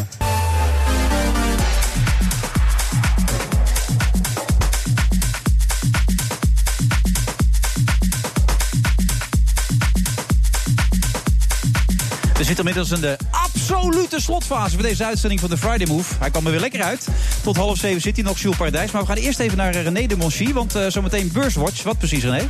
Ja, we gaan het hebben over het aandeel Apple. Natuurlijk in de belangstelling deze week, omdat er een nieuwe iPhone is gepresenteerd. Nou, wat gaat dat voor het aandeel doen op de lange termijn? Klachten Ah, over de i- iPhone 7 heb ik gelezen. Ja, nu alweer. Nou ja, dan Ja. zal dat het aandeel kunnen raken. We gaan het horen van Martina Hafkamp van Vitesse Vermogensbeheer en Stan Westerterp. Ehm, we gaan het hebben over ASML. Dat aandeel stond ook in de belangstelling omdat Samsung een deel van de eh, aandelen gaat verkopen. En we kijken natuurlijk vooruit naar volgende week. Wat wordt er belangrijk voor alle beleggers in Nederland? Oké, nou dat zometeen over een pak een beet. Nou, 10 minuten ongeveer. Tot die tijd nog even Jules Paradijs. Jules die het hartstikke druk heeft. Binnenkort gaat hij naar uitgeverij eh, beginnen. Speciaal soort uitgeverij, begrepen toch? Sorry? Speciaal soort uitgeverij, toch? Eh, niet de traditionele. Dus Later meer. later meer. Nou, lekker dit weer. Maar bovendien heeft hij het ook hartstikke druk natuurlijk met 50 plus, waar hij ronkende teksten moet afscheiden. Om de partij van Henk Krol natuurlijk weer een beetje in het vaart der volkeren omhoog te jagen. Het zijn prachtige teksten. hè. Ouderen pikken het niet meer. Hè? Het zijn, had ze zo op de telegraaf kunnen zetten. Eh, Wilfred, ik was eh, samen met Willem Vermeend en Klaas Wilting en Harry van der Wal was ik een van de experts. Eh, en ja, dus ik ben geen lid van die partij. Nee, dat zeg ik ook niet, maar Ik je ga- helpt ze wel. Ik ga ook niet verdedigen. Ik ga allemaal niet verdedigen. Waar het, waar het om gaat is dat je, als het gaat om de ouderen... en waarom heb ik ja gezegd eh, toen Jan Nagel eh, mij vroeg... Om een paar redenen. Ik vind dat als het gaat om de koopkracht van de ouderen... je ziet het vandaag eh, en de komende week zie je ook weer... dat het gerepareerd moet worden. Dus Ik hou kreeg vorige week alsjeblieft... van Henk Krol kreeg ik inderdaad zo'n staartje. Dat heeft hij zelfs gelamineerd. Dat heb ik meegenomen naar huis toe. Hou, hou alsjeblieft rekening ook met die ouderen als het gaat om de zorg. Nee, maar even daarover gesproken. Robin Fransman, econoom, zegt erover... wacht eens even, het kan allemaal wel zo waar zijn... maar hij heeft een berekening gemaakt dat de ouderen over het algemeen... over de, linie, grote linies, eh, over de algehele linie gesproken... veel rijker zijn dan ze vroeger waren... en veel welgestelder zijn en veel meer vermogen hebben. En dat die jongeren veel armer zijn. Dat zal best, maar dan moet je mij eens vragen waarom het kabinet eh, nu eh, bijna een miljard eh, moet uittrekken om, eh, om de koopkracht te repareren van eh, bepaalde groepen ouderen. En natuurlijk zijn Omdat er, we, eh, dat zijn dingen als de mensen met- 65-plus-kaarten zo, die verdwijnen en, allemaal. En natuurlijk zijn er mensen die eh, het geweldig goed hebben, maar die hebben hun hele leven ook keurig belasting betaald. Ja. Dus, dus je moet die me- oudere mensen ook dat geluk en ook dat financiële geluk gunnen. Maar een hele grote groep ouderen moet rondkomen van een AOW met een klein pensioen. En waar het mij om gaat, ik ga het allemaal niet verdedigen, waar het mij om gaat is hou alsjeblieft, ja? hou rekening met die mensen. Dat is één. Als het gaat om eh, bijvoorbeeld die thuiszorg. Hebben we allemaal gezien dat door een pennenstreek eh, die thuiszorg werd geregeld is door de centrale overheid en later door de gemeentes. Nou, mensen werd op, op stuipen gejaagd, want ze kregen opeens geen thuiszorg meer. Nou, hou daar, hou daar rekening mee. Dat vond ik ook een ding. En het derde is, een familielid van mij, mijn peetante, eh, zit in een eh, Alzheimer-gedeelte van een eh, verzorgingstehuis. Ik was daar een keer een paar maanden geleden. En daar eh, op, op de gesloten afdeling. En daar lag een meneer op de grond met een luier aan. En verder de rest helemaal eh, bloot lag hij daar te slapen. Ik denk, ja, kunnen we dat eigenlijk wel hebben in onze fatsoenlijke Nederlandse samenleving? Dat dit gebeurt in een verzorgingstehuis waar dat vol zit met protocollen en met regels. Dus, dus, dus dat was een van de. Er waren drie redenen waarom ik eigenlijk ook ja heb gezegd. eh, tegen Nagel om in ieder geval eh, te toetsen wat ze, eh, hoe ze ja, hoe ze die politieke boodschap moeten neerleggen. Net Ja. zoals ik overigens ook praat met andere Je bent overal voor in huren. Je bent overal voor in. Dat is wat je zegt. Nee, maar, als mensen mij vragen om erover mee te praten... vind ik het in de eerste plaats interessant. En, en als ik mensen kan helpen, dan zeg ik geen nee. Nee, want je bent een nobel mens. Dat wil je eigenlijk te zeggen. Nee, maar, als ze betalen. Nee, maar in dit geval eh, eh, eh, zeg maar, denk ik dat het, dat het ook nodig is dat het geluid zeg maar, eh, gehoord eh, wordt. Maar bijvoorbeeld maar omdat je het ook bijvoorbeeld ziet. Eh, eh, zeg maar, het is een groot electoraat. Het grijze electoraat gaat misschien wel beslissen wat voor kabinet we krijgen in 2017.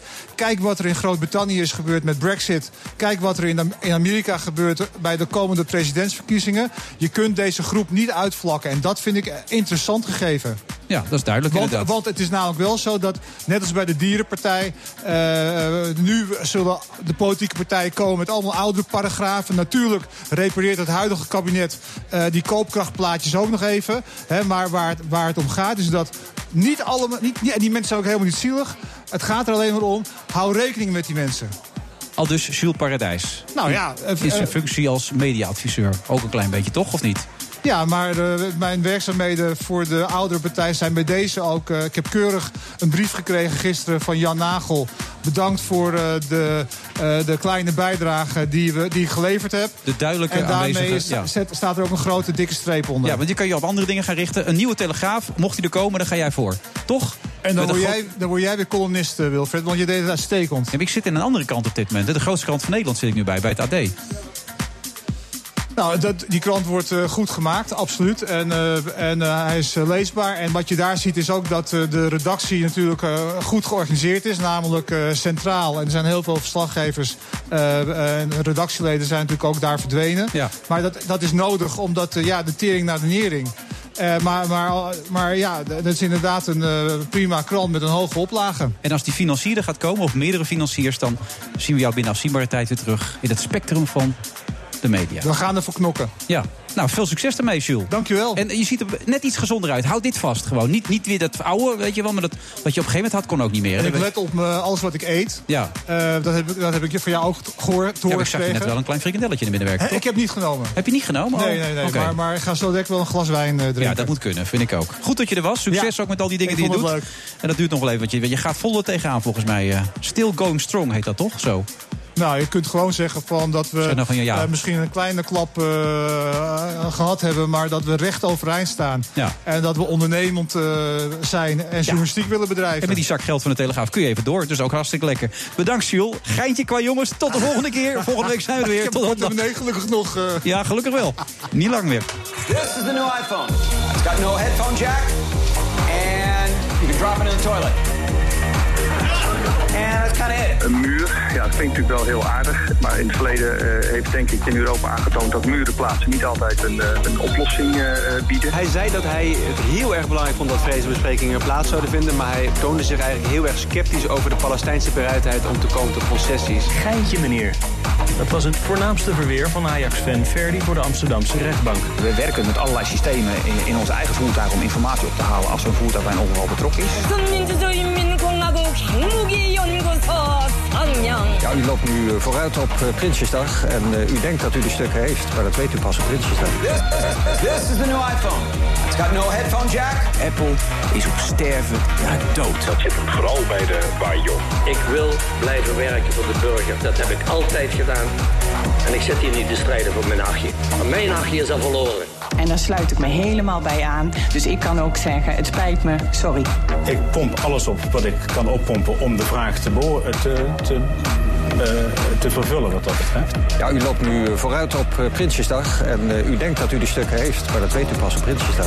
Ja, dat, daar ga ik niet eh, alleen over volgens mij. Geen haar op mijn hoofd. Het is een stukje vertrouwen. Als we maar de verkeersveiligheid en de lichtintensiteit goed met elkaar regelen. Er is voor heel veel ZZP'ers echt gewoon nog steeds... en echt de overgrote meerderheid de mogelijkheid om als ZZP'er te werken.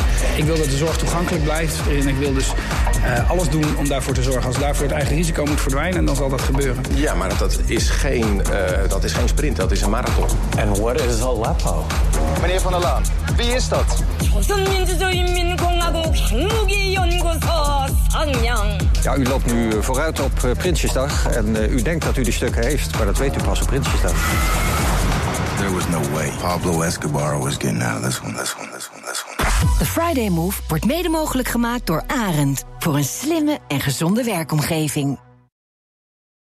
Ook Diana Matroos vind je in de BNR-app. Ja, inderdaad. Je kunt live naar mij luisteren tijdens de Big Five. Ook handig in de BNR-app. Breaking nieuwsmeldingen, maar ook het allerlaatste zakelijke nieuws. En je vindt in de app alle BNR-podcasts, waaronder Wetenschap Vandaag. Download nu de gratis BNR-app en blijf scherp.